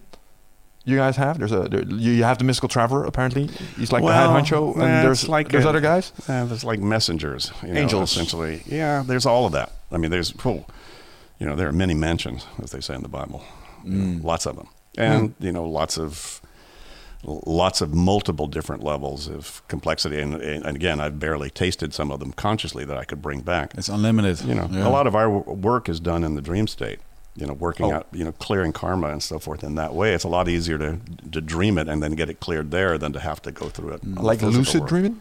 Yeah. So you you you have the ability to dream lucidly. Well, I don't know. I, I, don't, I don't. I don't really work hard at much of anything. It's just you know, if I'm, if you work with this energy that, that we work with, oftentimes, if you, as long as you commit to being on this path, Yeah. uh, this energy, you, It happens. this energy, Oh, you, ju- work with this energy, and oftentimes it will, it, you will come back and you'll wake up and realize that you were having an experience. It's actually a teaching and a learning experience. All right. Yeah, that's but that's something. I, I, when I mean lucid dreaming, that's apparently uh, the the ability to when you're in the dream to realize you're in the dream and to do your Yeah. work while you're in the dream. Sometimes. Sometimes. Yeah. Right. That's just being mindful in your own dreams. Yeah. I want to go back to the Sanskrit chants because um, when was it? Like five weeks ago, I did this ayahuasca ceremony with a Brazilian shaman.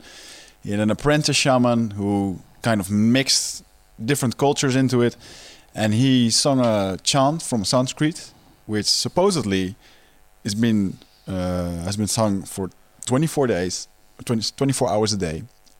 Every, every, every time. Uh, Yeah, you told me about this, yeah. all, all, try, all through the year because that kind of um, it's the energy of the earth, all this kind of stuff. I don't know the details, but it was very powerful at the moment. And for some reason, these Sanskrit mantras they're they're very powerful, and especially I when you're can be sure. when you're open up with all uh, maybe you know when you're in deep meditation or in ayahuasca session, it's amazing. It just yeah, you can feel the energy going through it. So I I don't know. I experience it as a as an energy that is going 24 hours a day and is really driving what goes yeah, on. hey, in come this on. The universe is always on, guys. Yeah. Yeah. It's, it's, it doesn't it's take an off always day. on. It's I'm always on. It's just us that decide to connect into it from time to time in whatever way we do. yeah. So uh, from this, as a um, as a soul, you have an idea what you want to achieve here on this uh, on this planet. But is there a, a, a bigger pers- purpose, a bigger end game in this uh, in this philosophy? Like Well, uh, well, we're all here to be just as benign as possible. No, or- no, no, it's just It doesn't deal in moral absolutes in the sense that the Bible does. There's Satan and there's the devil, and No, no, I don't. Nothing know, like that. Don't know what any of that is. No, no That's it's, good. it's all about just you know merging with the the best and the highest that you can. Yeah. as, as often as you can and expressing it. You know, that's that's my game. Nobody's born perfect, but you have the mission to become perfect here. Oh, that's I a guess. nice That's- I think that's the one. Well, I I, like don't, I think I don't think perfection exists here. Excellence, that. that would be better. yeah. Yeah. yeah, All right. I'm rephrasing. excellence. And you know, i- interesting. Uh, you know, like if you tie this back into why why GTD was so attractive to me in a way, because I, I don't I don't equate that with spirituality. Although, if you're on a spiritual path and are and do these kinds of reflective or con- contemplative or meditative exercises, it's certainly nice to have a clearer deck inside your head. Yeah. Yeah. You, and you better have a notepad when you sit down to meditate because as you start to relax, oh, I need cat food. It's going to Yeah. pop into your head, so you better get that out of your head. That's head. the So- hardest part uh, on meditation for me. All the thoughts that keep on popping into your yeah, head. yeah, no, but that's but I, I another enlightening moment that I had one time, and this was back when I was wondering, gee, what the heck am I going to do with my life? And- but I wanted to line up with the spirit, and I want to make sure that it it works and that it's for me and for my highest good and all that good stuff. And I had another one of those. You know, just somehow it's on the freeway. I was, I was driving along, and I, and and I just had this still small voice inside of me that said, David, relax. You do not need to worry about what you need to create. You have created so much in this lifetime and six million others that all you need to do is handle what's immediately in front of you with elegance and complete it with as much excellence as you can, and the next thing will automatically emerge. And I haven't turned back from that. So a lot of my stuff would just, hey, just deal with what's in front of me really well, and I don't have to worry too much because I trust the spirit's going to bring it to me. That's a Yeah. great And- procrastination killer. Yeah. that mindset. Yeah, and and and you know trust. You know, uh, then there, there's a there's a wonderful, you know, Arab saying. So trust in Allah and tie your camel. Yeah. yeah, that's the same as you can't meditate your way out of a tiger attack. Right. Yeah, that's very Mm. true. So, how much um, how much of this practice has affected your uh, GTD methodology? Not not really. Uh, you know, other than just hey, live a good life and whatever you could do about it. But m- most of this did not come through any of that particular information or Yeah. whatever. Uh, a lot of this is just that came out of the good personal growth called grow yourself. You know, how do you how do you deal with this level? And there's a lot of really good stuff there that we don't don't learn in school. How do you deal with rejection? How do you deal with honesty? How do you deal with agreements and Yeah. commitments? You know, how do you deal with it? You know, how much does that affect your ability to just decisions you made about yourself because of how you were raised? How much does that affect your life now? Are you are you running your life as a nine year old Yeah. based upon something? You know, so there's all that kind of stuff. Some of the times. I, I wouldn't. I, I don't equate that with the, the spiritual work itself, other than the spirit is li- alive and well in all of us all the time, and these explorations and this work to help get clearer and get better and more on top of it. And My experience is, you know, that, that the spirit and, and the spiritual side of who we are is loves us, has infinite patience, will let us make as many mistakes as we want, Yeah. you know, and come, you know, is always there. Uh, and and you know, Yeah. there's no there's no rush in spirit, as we say, about all of that. And at the same time, you know, once us, I think we we have all decided to that we want to expand or express ourselves. If you felt like you haven't fully shown up yet mm-hmm. on the planet, you know, who who who is Vic, who is who is Michelle? Who are you guys? And if you're not fully, if you feel like there's still an expansion or there's still a there's still something else inside of there, then that's going to be a pull that will keep you in keep your intention here. Mm-hmm. Yeah. So the funny thing is, is you know that whole idea, that dichotomy of are we into doing, are we into being? Well, in my experience, the people who are really, really into being are big doers, Yeah. and they seem to have a lot to do with each other here, because this level is a is a doing level. It's an active level. You can't just stop things going on here. That brings me to one more thought. Um, we were talking in the beginning of the podcast. We were talking about uh, the neurological evidence for the the benefits of getting things done, right? Right. That, that you can actually measure some of these things. Um, the conversation we're having right now sort of taps into um, the question of free will a little. And if you start looking at um, neurological evidence, then there are a lot of smart people that are saying that free will might be an illusion, more or less. Yeah. How do you look at that? Um, the way I look at that is, you don't have free will; you have free choice. So you may have What's had the difference? you may have had free will before you incarnated with all the karmic boards and all the people that decided, okay, guys, here's your karma, here's all you've done. You get a chance to go work it out. And you go, yeah, man, that's really cool, fabulous. And so you had the opportunity on other levels to then pick a path that you wanted to get. But once you landed here, that path has parameters to it. And so You make it sound like a computer game. There's be. this limbo Could- where you're in and you be. get to decide, I'm going to be this guy. This yeah, time. yeah, cool. And then once you land here, then you you know it's not it's not predetermined everything you're going to do. The structure and the game that you landed in was pretty well structured. But then your choices about which path you take win, and then that's a lot of what the training is for us here. Is how good a choice do you make? Did you make a choice that was for fear or love? Mm. Did you make a choice that was contracting or expanding in terms of your mm. consciousness? And I think that's a lot of what this game here on the planet's about. So now you got a free choice. You can decide that that's not predetermined. You know how you do it. What's predetermined is we're sitting in this room. We don't have a lot of choices about what we can do right now because we are constrained in this room. Yeah. Right. But but we have a lot of choices about whether we want to stay in the room or not. What we do while we're in the room. But you know, in, in a way, it's you know that's my Yeah. experience of it anyway. It kind of looks like that. It, re- it resonates to one of the lessons that I had in that ayahuasca experience, where um, everything is already predetermined. You get a little bit of space to do your own thing. So we think we have free will, and you get your thing, do your things, but in the end, um, you know, it's all predetermined, and that gave me so much confidence in just letting things go, living in the now, and Sure. it took me 22 ayahuasca sessions, but I hey, think it- I we're think here. it's- hey, look, anything. Uh, Yeah. you know, chew bubble gum, and if it gets you to let go and be in the present, you know, that, that, that, Yeah, yeah, I mean, yeah. So, so Never uh, underestimate the power of bubblegum. yeah.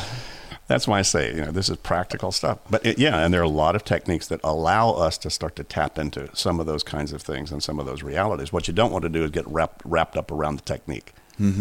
Yeah. You know, it's it's it's a it is a it's a mold or it's a model, but nothing is, you know.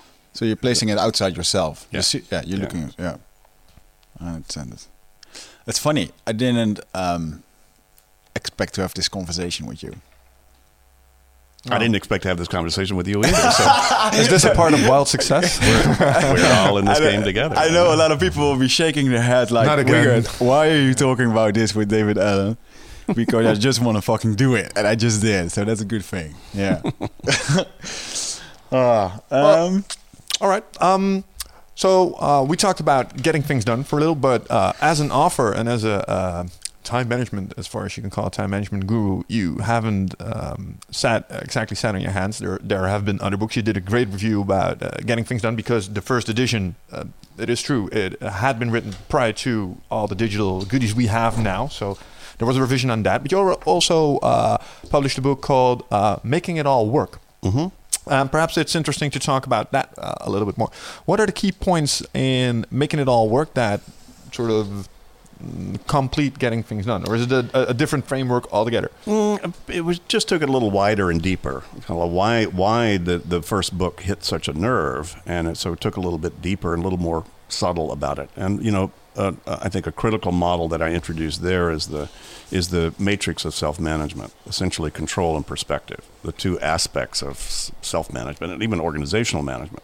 Anytime you or anybody else thinks they need better time management productivity, prioritization, organization is because one of those two dynamics is suboptimal. Either things are not feeling as in control as they need to be, or they don't feel as focused appropriately, meaningfully as they need to be. Mm-hmm. And so when I say control, by the way, I'm not talking about controlling your kids or the weather or your boss. I mean, good luck. I'm talking about having something under control like a meeting or your car or your kitchen you know, or your consciousness. So control, then that's where, you know, roll the tape back to the five steps I talked about. So there's five steps of how you get your kitchen under control. And then the perspective piece, then that brings in, that's why the horizons were so important. And I focused a good bit more on the horizons there, the mm-hmm. six horizons that I mentioned before. Yes. So you could get your kitchen under control, but then the question is, should you be having guests over for, for, for dinner? You know so why, the big whys. And that's where you'd have to go into am i focused appropriately? So i got my kitchen under control but sh- but for, to what end? And why am i doing that? And so, uh, having an appropriate focus would then require you to then think think about those different horizons. You know am i am i having dinner with them because it's a horizon two i just like uh, you know relationships with friends and i want to keep that warm and you know in terms of my life in terms of balance. It could be a year uh, i've got a goal a year from now to have graduated in my company to some next level so i'm inviting the boss and his life partner over for dinner i want to get on their good side. Yeah. it could be your vision says look i want to be a great author and i know somebody who's writing a book and i'm going to invite them to dinner so i can i can do that. And it could be your life purpose. You maybe got a friend that's going through a major personal issue and you want to bring them over and you know and, and give them a little informal you know minist- ministry if you will you know mm-hmm. and give We call that an intervention. yeah, something like that. So that's where that that would then start to answer the why, because people say, "Yeah, I got under control, but how do I set priorities?" You hmm. know, so a, a little more detail on on that. That's not such a simple ABC priorities. You've got a lot of other factors and variables that go into your gut saying, "Yeah, this is something I need to be doing," versus versus not. All right, but are you also saying that um, in in that process of focus, what you're basically doing is trying to align your action level and your project level with your uh, higher horizons? Yeah. that's basically what you're doing. Yeah, that's basically what, what what you would be doing, and and and just understanding those are different things. You know, the horizon showed up when I had a senior guy, you know, in a, in a in a very well known company, you know, brought me in to coach him and and to work with him. And his presenting issue was his calendar. I mean, he was just blocked wall to wall for the next last two or three months. His assistant was about to die trying to fend off everybody trying to get onto his calendar. And so, you know, I walked down and closed the door. He said, "David, what do I do about this?" I'm, I'm scratching my head. I don't know what the hell to talk to this guy about. So he, I, I just, I got a flash, and and he had a whiteboard in his office. So I went up and I drew something like these different horizons. And I said, at which one, at which one of these horizons would you like to have this conversation about your meetings? And he, he said, he got it. I mean, this guy was, he wasn't dumb. In a second, he got it. I said, what did you get? He said, I really realized it's not the issue is the meetings. The issue is I got teenage kids that are about to grow out from under me and I'm trying to stick around and make partner by staying here till 11 o'clock at night. And he realized he just had, that was what was getting to him. And he Yeah. needed to reframe that, reframe some of, you know, where he was allocating his time and how, and how he was doing that. And so that's why I said, hmm, that's kind of interesting to have, then use that. And then I started to use those horizons and found out it, it brought a lot of clarity for a lot of people. About a lot of stuff, and Yeah. as opposed to trying to have it one big mushed thing called set goals and understand what your values are. Those come at multiple different levels, and it's not that simple. I think it's also a great example of how um, the, the, piece of insight here is that um, he had goals on the one hand, but the real attention grabber were the kids, and those were from a different domain, namely not career, but just you know regular life uh, in air quotes. Yeah. Um, which was also one of the uh, the big thing for me, the fact that it's all right to have these things as equal attention grabbers because it's very socially um, acceptable, or um, we we want to say the, the the right things to everybody. So we're talking about career and business and how can we make the company more uh, successful. Well, in fact, the real thing that you're on the job for is probably to gain, you know, um, some sort of uh, means or you know money to do other stuff that's probably way more important to you, like go on a holiday with your family, or you know, make sure you have food on the table. If you go all Maslow on that, but um, Could be. But I've met kids that are 24. It's all an adrenaline rush. They get bored going home. you know, so it, it, what what's balanced for one person may be look very Yeah, different very- than yeah. balanced for somebody else. differs per person. Yeah. But it's nice to have that conversation to make sure that that's okay, and you don't let it go too long down some road you shouldn't have gone down, and you're going to have to retrace your steps if you made some bad judgment calls in terms of the choices that you had. Back to choices. Yeah, that is true. When um, when talking to people about um, working in these uh, systems, uh, like getting things done, or and you know the extensions made in making it all work, um, I usually hear a lot of people say stuff like, uh, "Well, but getting things done is too structured for me," or uh, "Getting things done just adds to the stress because it uh, these lists they apply extra mental pressure, or uh, it takes too much time."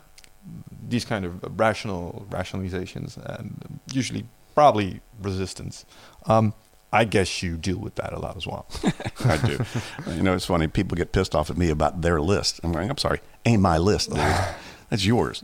You know, your your choice is where do you keep track of it. And I can tell you the difference. they actually get upset No, or just a little they frustrated just well, they, venting it. this- yeah, this is fr- well, this is a complaint. It's too structured. Go, well, what do you think about the line in the middle of the road out there when you're driving? No. It, You know, that's a constraint. That's a structure. Yeah, But but, it's nice because then you don't have to think about a car hitting you. You can think about other things while you're driving. You don't want 72 lines in the road because then you'd be distracted about which lane you ought to be in. yeah. But you, you need just the lanes that you need so that your mind is off of this and doesn't have to do that. And, you know, I just had a conversation yesterday with somebody who was asking about the whole idea of, of creativity and GTD and how did they relate to each other. Mm. And quite frankly, GTD is, is quite popular in the entertainment and creative worlds out there right now. Why? Because, well, because basically what it what it does is it it creates space. You don't need time; you need room. And the creative person just needs more room. Hmm. What you do with that room is quite unique to you. You know, Evan Taubenfeld's an an old champion of my stuff. He was Avril Lavigne's guitarist and producer when in the first part of her career. And and you know, he's a Evan's a fabulous guy, brilliant, you know, a great musician. And he said before GTD he started 100 songs a year. After GTD he finished 100 songs a year. Yeah. Big difference. I'm a guy I can I can use his name because we, we, we coached him and, and then he's been on the air. I think probably the you know most well known American you know radio personality. You know Howard Stern's a huge fan of my stuff and Really? I asked Howard about this. It totally changed his life and allowed him to learn to paint as well as keep up with uh, you know all the huge businesses that he is, Sirius Radio, as well as you know major other projects that he gave him the bandwidth to, to do that he never thought he could do before. So Joss Whedon, you know, you could read Fast Company magazine where he talked about how he, you know, he's the guy that did the Avengers and all that stuff, and he did. He did uh, sort of a current version of Much Ado About Nothing in his backyard. And He started that with Buffy, didn't he, Josh Whedon? Yeah, Yeah, yeah. yeah, yeah. And he'd tell you next action thinking is what allowed him to get a whole lot of the a lot of his recent stuff done as fast as it is. So you know, people people say, well, this is not creative. The Simpson writers, if you know the Simpsons, you know they're Heard about it. They're they're GTDers. So what it does is just creates room. So whether somebody being creative wants more room or not, that's up to them. But if they do, you know, this is going to give you a lot more a lot more room to be able to do that. Yeah, so you just counter the arguments with the benefits. Yeah, Yeah. And it, come on, it's not free. This stuff ain't free. You do you actually do have to invest in this thing. you know, it does take some cognitive horsepower to sit down and actually walk yourself into this process. As you know, you you've talked about that. I think Yeah. the GTD is similar to going to the gym. If you want, if, if you want physical fitness, Yeah. you need to start lifting heavy shit. And because you do the physical, uh, because you do your GTD fitness, you get more free time, you get more benefits. Just And- like you go to the gym, right? I think getting things done, it, it never gets easier. You just get better at it. Yeah, yeah. That's no, I thing still, well. I, you can train it. I still have you know improvement opportunities myself. With how much more value could I have produced today had I created appropriate context, appropriate uh, content, and then structured it so I didn't have to think too much and I add more value. What's a trap you, you still regularly run into? What trap I run into? Yeah. Hmm, what's a trap I run into? Oh, I, I- probably just my laziness. you know, you know, it, it, it's kind of funny once you get really good at this game. It, it's kind of dangerous because you, you know, I let myself get totally out of control in chaos. You know, whatever, because I know I can fix it very fast, Yeah. and I don't have to bother. You know, sometimes my in baskets look way out of control. My emails get out of control, but it's, you know, I don't let it go too far. Hmm. But because I know the game, it makes it much more comfortable to not necessarily be, you know, as tight and, and anal as everybody thinks I probably am. Most people get around me, they go, "God, you don't, you're, you're nothing like what I thought you were going to be." You know, uh, that's why one of the reasons I rewrote the book was because you know it was. Really, uh, you know, the first edition was really sort of buttoned down and targeted toward the fast track professional. Um, but you know, this is really a whole lifestyle thing, and that's that's a lot of what's changed is how mm. many people and how much broader the market is of, of people very interested in this through all levels of life. We're now teaching this to six and seven and eight year old kids, and you know, as well as CEOs, still clergy, physicians, anybody, anybody's got a, busy life. There's a kid's version of getting things done.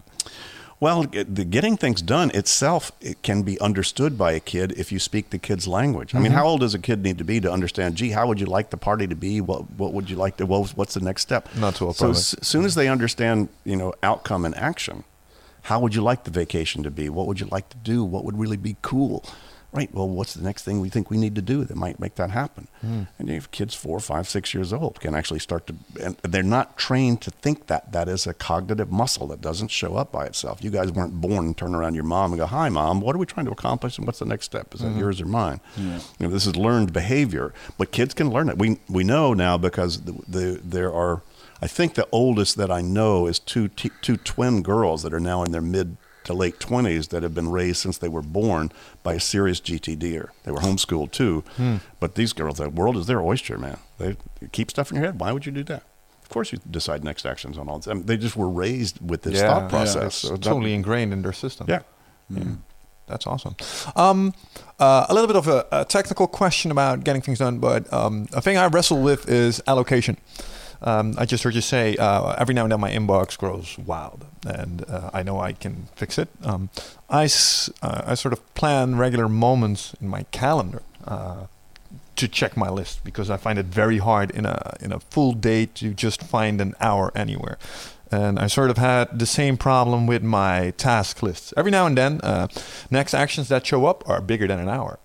Mhm. Every now and then, and I always have a hard time when I'm in my task list. I can just have. I don't have an hour now. I need to allocate this in my calendar. Mhm. I so I usually just block it, and it's in two places at the same time. Yeah. How do you deal with that? I don't have a lot of that in my lifestyle now, given you know the, just the nature of my work. Um, I'm not nearly as operationally involved in a lot of the detailed projects that other people in the company are. Uh, but you I'm have still I- minions now. no, I'm still busy, but it's just it's not it it it. I, I get wider berths of time to be able to do kind of you know in whatever timing that I want to do it. But given what you said, my mentor, uh, the guy named Dean Acheson, who taught me a couple of the major pieces of this methodology back in the '80s, Dean would suggested that anytime you had a next action that would require an hour or more of uninterrupted time, you really should block that in your Yeah. calendar. Yeah. You, you need to block that off, especially if you have a, that kind of a busy busy calendar. Otherwise, it'll gnaw at you. Because it's not re- really Yeah. in the protocol. You just put it on the next action list, and you know, or on the on the calendar. But you know, if it exists in Yeah. both, you know, you just have to be careful because you know you'll break appointments with yourself very easily unless that unless you really hold to it. You know, so That is true because uh, a lot of times if you block an hour and uh, the reminder pops up, it's like, yeah, I'm going to do something else. You shouldn't do that because that kind of defeats the purpose. Yes, it does. Well, I'll, you know, nothing nothing cures that like a deadline, that is true. and then nothing cures that like the weekly review that sees those deadlines coming toward you, Mm-hmm. and that then starts to make it a little bit more motivating to block a couple hours. Say, God, there's no way on God's green earth I'm going to be able to finish that business plan or that If proposal or whatever yeah, by the, the due date if I don't block out half day on Wednesday Mm-hmm. and call nothing else going on there. Yeah. Yeah, I just jokingly talked about um, minions, and um, what I mean by that is that in every uh, kind of organization, you have to work together. Usually, uh, either you have people working for you, or you work together with people, or there are people you do stuff for. Um, I don't know if it's really in line with the original philosophy of getting things done, but I took on the habit of writing everything down that someone is supposed to give to me or tell me or because I noticed that if I trust their way of organizing, for example, I'm asking you, please give me the, the um, for example, the uh, the data of 2014 when it comes to sales. Like that's something I could ask Wichert, and um, if I ask him a question like that, and it's it's important for me to get that information in order to do my part of the job, that goes straight into my getting things done. So I write down a lot of next actions of other people as well. Smart. Yeah. Yeah, yeah, that's called a waiting for list. Yeah, that's true. But I, I put it on my on my ta- on my task list instead of the at waiting for inbox Well, thing. Yeah, I, I, I stick it on waiting for because I review my waiting for on the weekly reviews. So Mm-hmm. I see if I need to kick butt, light fire, or check status on any of that myself. But Kick butt, fire, or check status. light fire, you know, you know. Anyway, so th- yeah, you just need to keep track of that and then decide what you need to do about it, if anything, to to, to help move it forward. Mhm. But you know, yeah, you, people often ask, "How do I get other people to do this?" I say, well, you, it's almost impossible to legislate system to anybody, but you can hold them accountable to outputs. Uh-huh. Yeah. Yeah, You know, that's if you- true. If you've agreed to the deliverable, then yeah, you keep track of that, and then you you know most people follow up when it blows up as opposed to you know keeping track of it and then renegotiating regularly. Hey, Bill, you know I've got these four things outstanding from you. Uh, you know anything I missed on that, uh, and do you need any help? Do we need to renegotiate any of our agreements here? Yeah. And that, that's you know, the elegant human way to, to sort of deal with that. But uh, boy, it, you know, it's impossible to do if you don't have an external brain to be able to capture that stuff when it happens. Yeah, that is true. And we also uh, we had a guy here once, Bas Gordon. He basically took a, a counterpoint. He said, "Well, that's the best way to kill motivation in people. If you start tracking and tracing their stuff, and you start holding holding them accountable for that. So management by lists. Um, that's a great way for people to start dodging responsibility. Is that something you recognize? It's BS. It's BS. Why? Yeah. Why not? I mean, come on. If I'm try- if I'm writing down what you say you're going to do, and you're writing down what I say I'm going to do, we just we just moved up the food chain in terms of how important we we've agreed this is.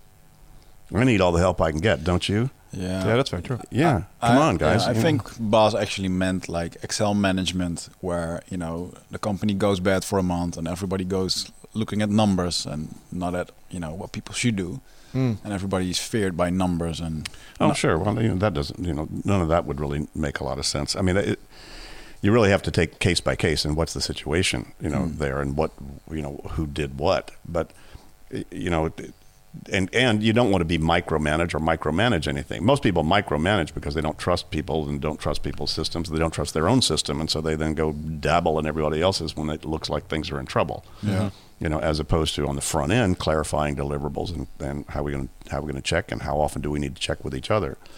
But the truth is, you know, one of the things that that happens when when two or more get together with this, the complexity of agreements goes up exponentially. Yeah.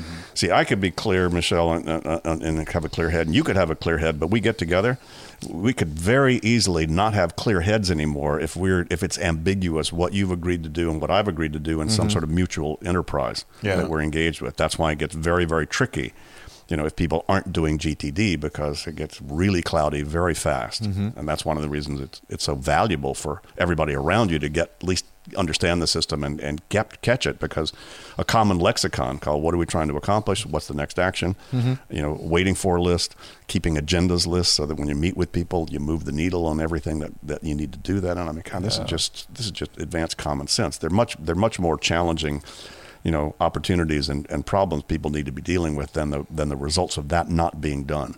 Yeah, there's a big benefit of people around you doing getting things done. I noticed that as well in my uh, in my jobs when I started doing getting things done. People started noticing the difference. Yeah. What's up here? This guy, he doesn't forget anything anymore. His quality is improving. Yeah, he's uh, he's feeling he's more uplifting. He's uh, he's motivated more. But one thing in particular is that if we make an agreement with this guy, he will hunt you down and make sure that it happens.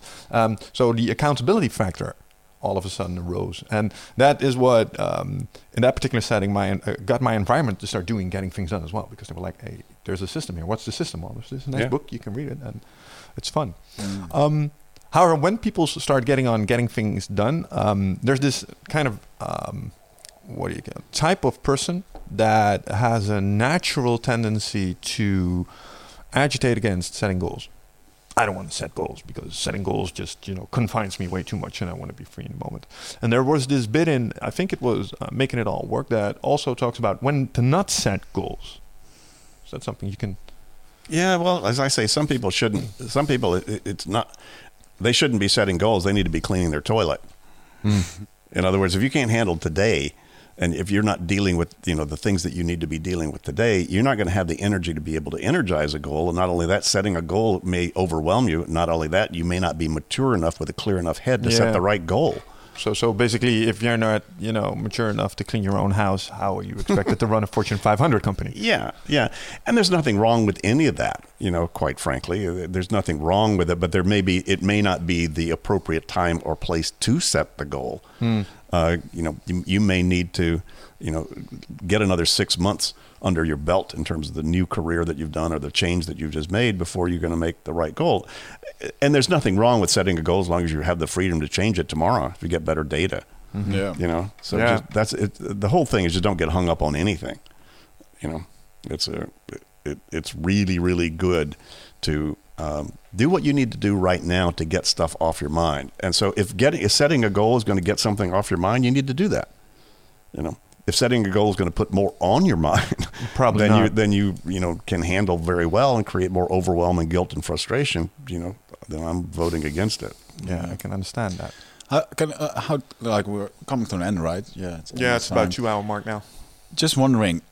I mean, you've made something. You created an industry, and it's fascinating to me that when you knew, you know, when one person writes a book and it, you know, for years, all these apps. uh, I don't even how many apps were there. Uh, over 300 last Over count 300. honest- I think I tried about 30.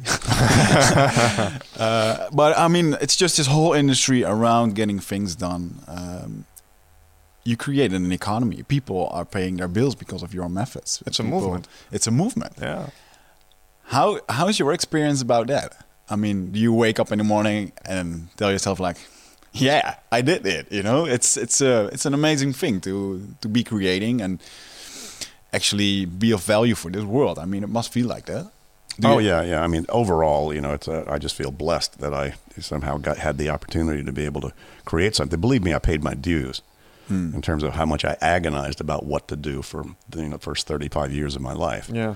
So again, guys, I'm 70 right now. So, you know, at least for the last 35 years, it's been absolutely delightful to have, um, you know, a business and uh to, to be doing stuff that does nothing but improve people's conditions. Yeah. Does nothing. I mean, you, you implement any of this. This is not like dangerous stuff. You're not running with scissors here with this stuff. you know, anything you do with it is going to improve anybody's conditions in life out there. And that's just wonderful to have, you know, to actually get paid. Do, I, I would do it if I didn't get paid because I can't stop giving people this helpful advice. You know, if you said, as a matter of fact, when I first designed the first sort of two day version of a seminar around the material that I was doing in the coaching, uh, I said, if I only had two days with people, what would I want them to know? And basically, that, you know, to be accountable for where they have put their energy.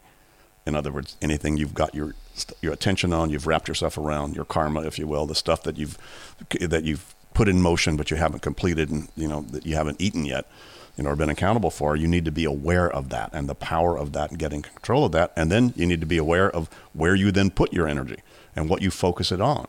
Mm-hmm. So, I said those are the that, that's why we're, as far as I'm concerned, that's really what a whole lot of our planetary experience is. So I couldn't stop telling people anything about that. Mm-hmm. So what you see is you know me designing the stuff and over the time finding it the ways that w- without having to talk at such an esoteric level with people, I can just ask you what the hell is that piece of paper doing on your desk, and it automatically gets you into the driver's seat of your life. But otherwise, it owns you. Yeah. So I found something that was just so brilliantly beautiful about that. But kind of back to your initial question about it, it kind of depends on what side of the bed I wake up in the morning. Sometimes I wake up and I go, God, you know, only only three billion of these books are out there. God, the planet's got seven billion people. Wake the fuck up, you know. Come on, let's get going. What happened? Let's go. And then the other time I wake up and I'm surprised anybody gets this.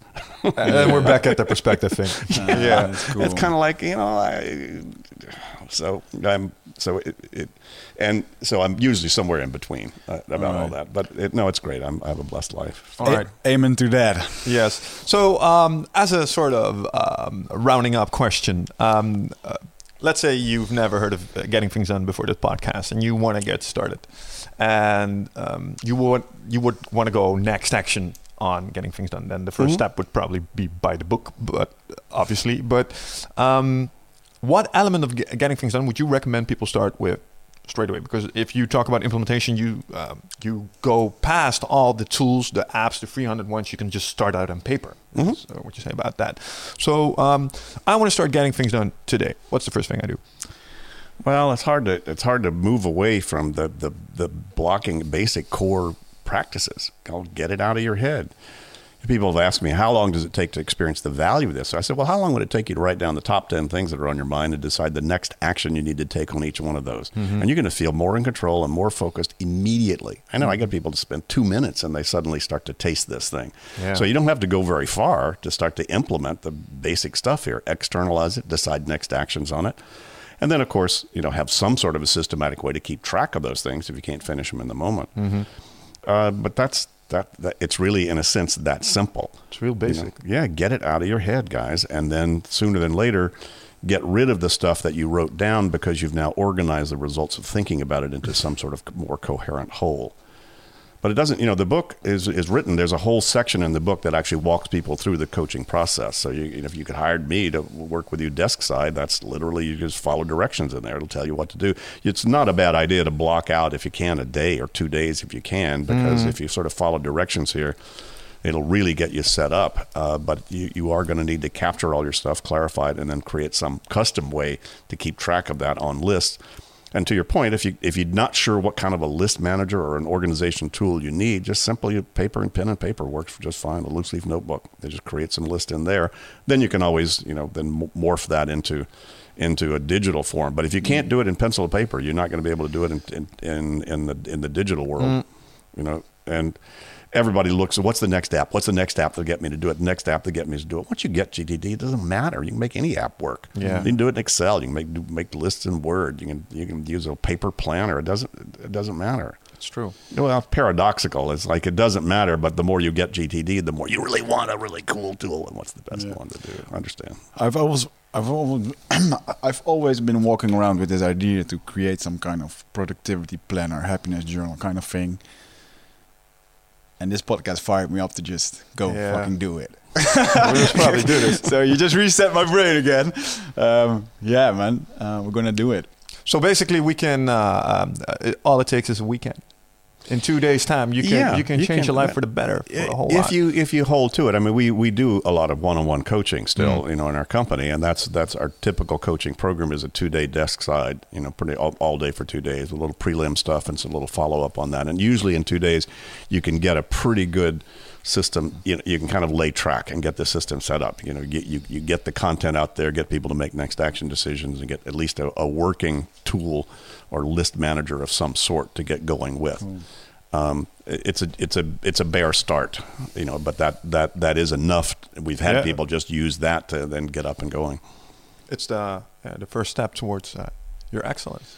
Where can people find you online, social media? Gettingthingsdone.com. Very That's easy to do. You I'm, I'm Instagram D Allen forty five birth year by the way. So uh, and uh, Twitter GTD guy. 1.2 million followers. I Yeah. noticed. Yeah. That's amazing. Awesome. Um, well, I think that kind of wraps up our first international uh, podcast. Um, This was the moment, man. This was I it. This was a milestone. Yeah. I hope our English wasn't too cringy. Ta-da! You guys are great. Yeah. So, so I had fun, and Yeah. Thank you. hopefully this was reasonably intelligible to. You know, This was great. I learned a lot today, and I've been using getting thing getting things done for a while now. So it's it's really easy how you can look past some of the basic stuff and hearing you talk about it. Like, yeah, I need to get back to Oh, that. there's always another level. I've had people read Getting Things Done 10 times, and they say it's a totally different book every time they Yeah. do it. Uh, a lot of I've met a number of very very sophisticated uh, professionals, particularly that every time they change careers or jobs, they read the book again because they you really need to recalibrate and recast because you know things will go a little stale in terms of what you're doing, and as you're changing, your system also needs to be dy- Yeah. dynamic and, and and moving as well. Yeah, it needs to adapt to the environment as well. So Mhm. yeah. True. All right. So, so go ahead. you? No, go ahead. Yeah, so this is the end of the podcast. I mean, first international one. Um, we will be getting more um, uh, international guests. Yep. And we've been in contact with a few. Uh, Jason Silva, Yes. um, Jimmy Nelson. Jimmy Nelson, the famous photographer. Uh, Christopher Ryan, he's an author as well. Um, if Aubrey Marcus comes around this year to the Netherlands, Probably probably we, uh, I'll just make him sit in that chair. Um, who is the owner of Onnit? And um, Onnit supplements are uh, we we are the distributor of Onnit in the Benelux with our company Nutrofit. Are you actually a fan of nootropics?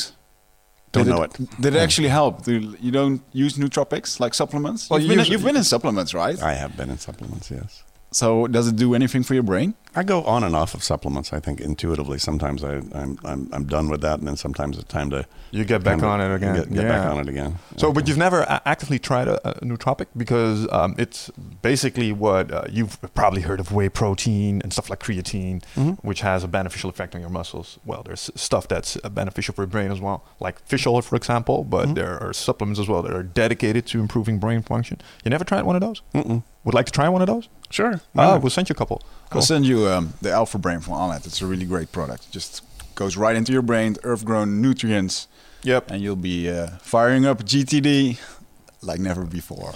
that brings us. Uh, that brings me to the uh, the final bit of this. Um, I want to give a, a shout out to the boys at Onnit because um, they're our biggest brand. Uh, we sell a lot of their products because they're great products. But the CEOs of the company, uh, Aubrey Marcus and um, the uh, the other champion of Onnit, uh, Joe Rogan.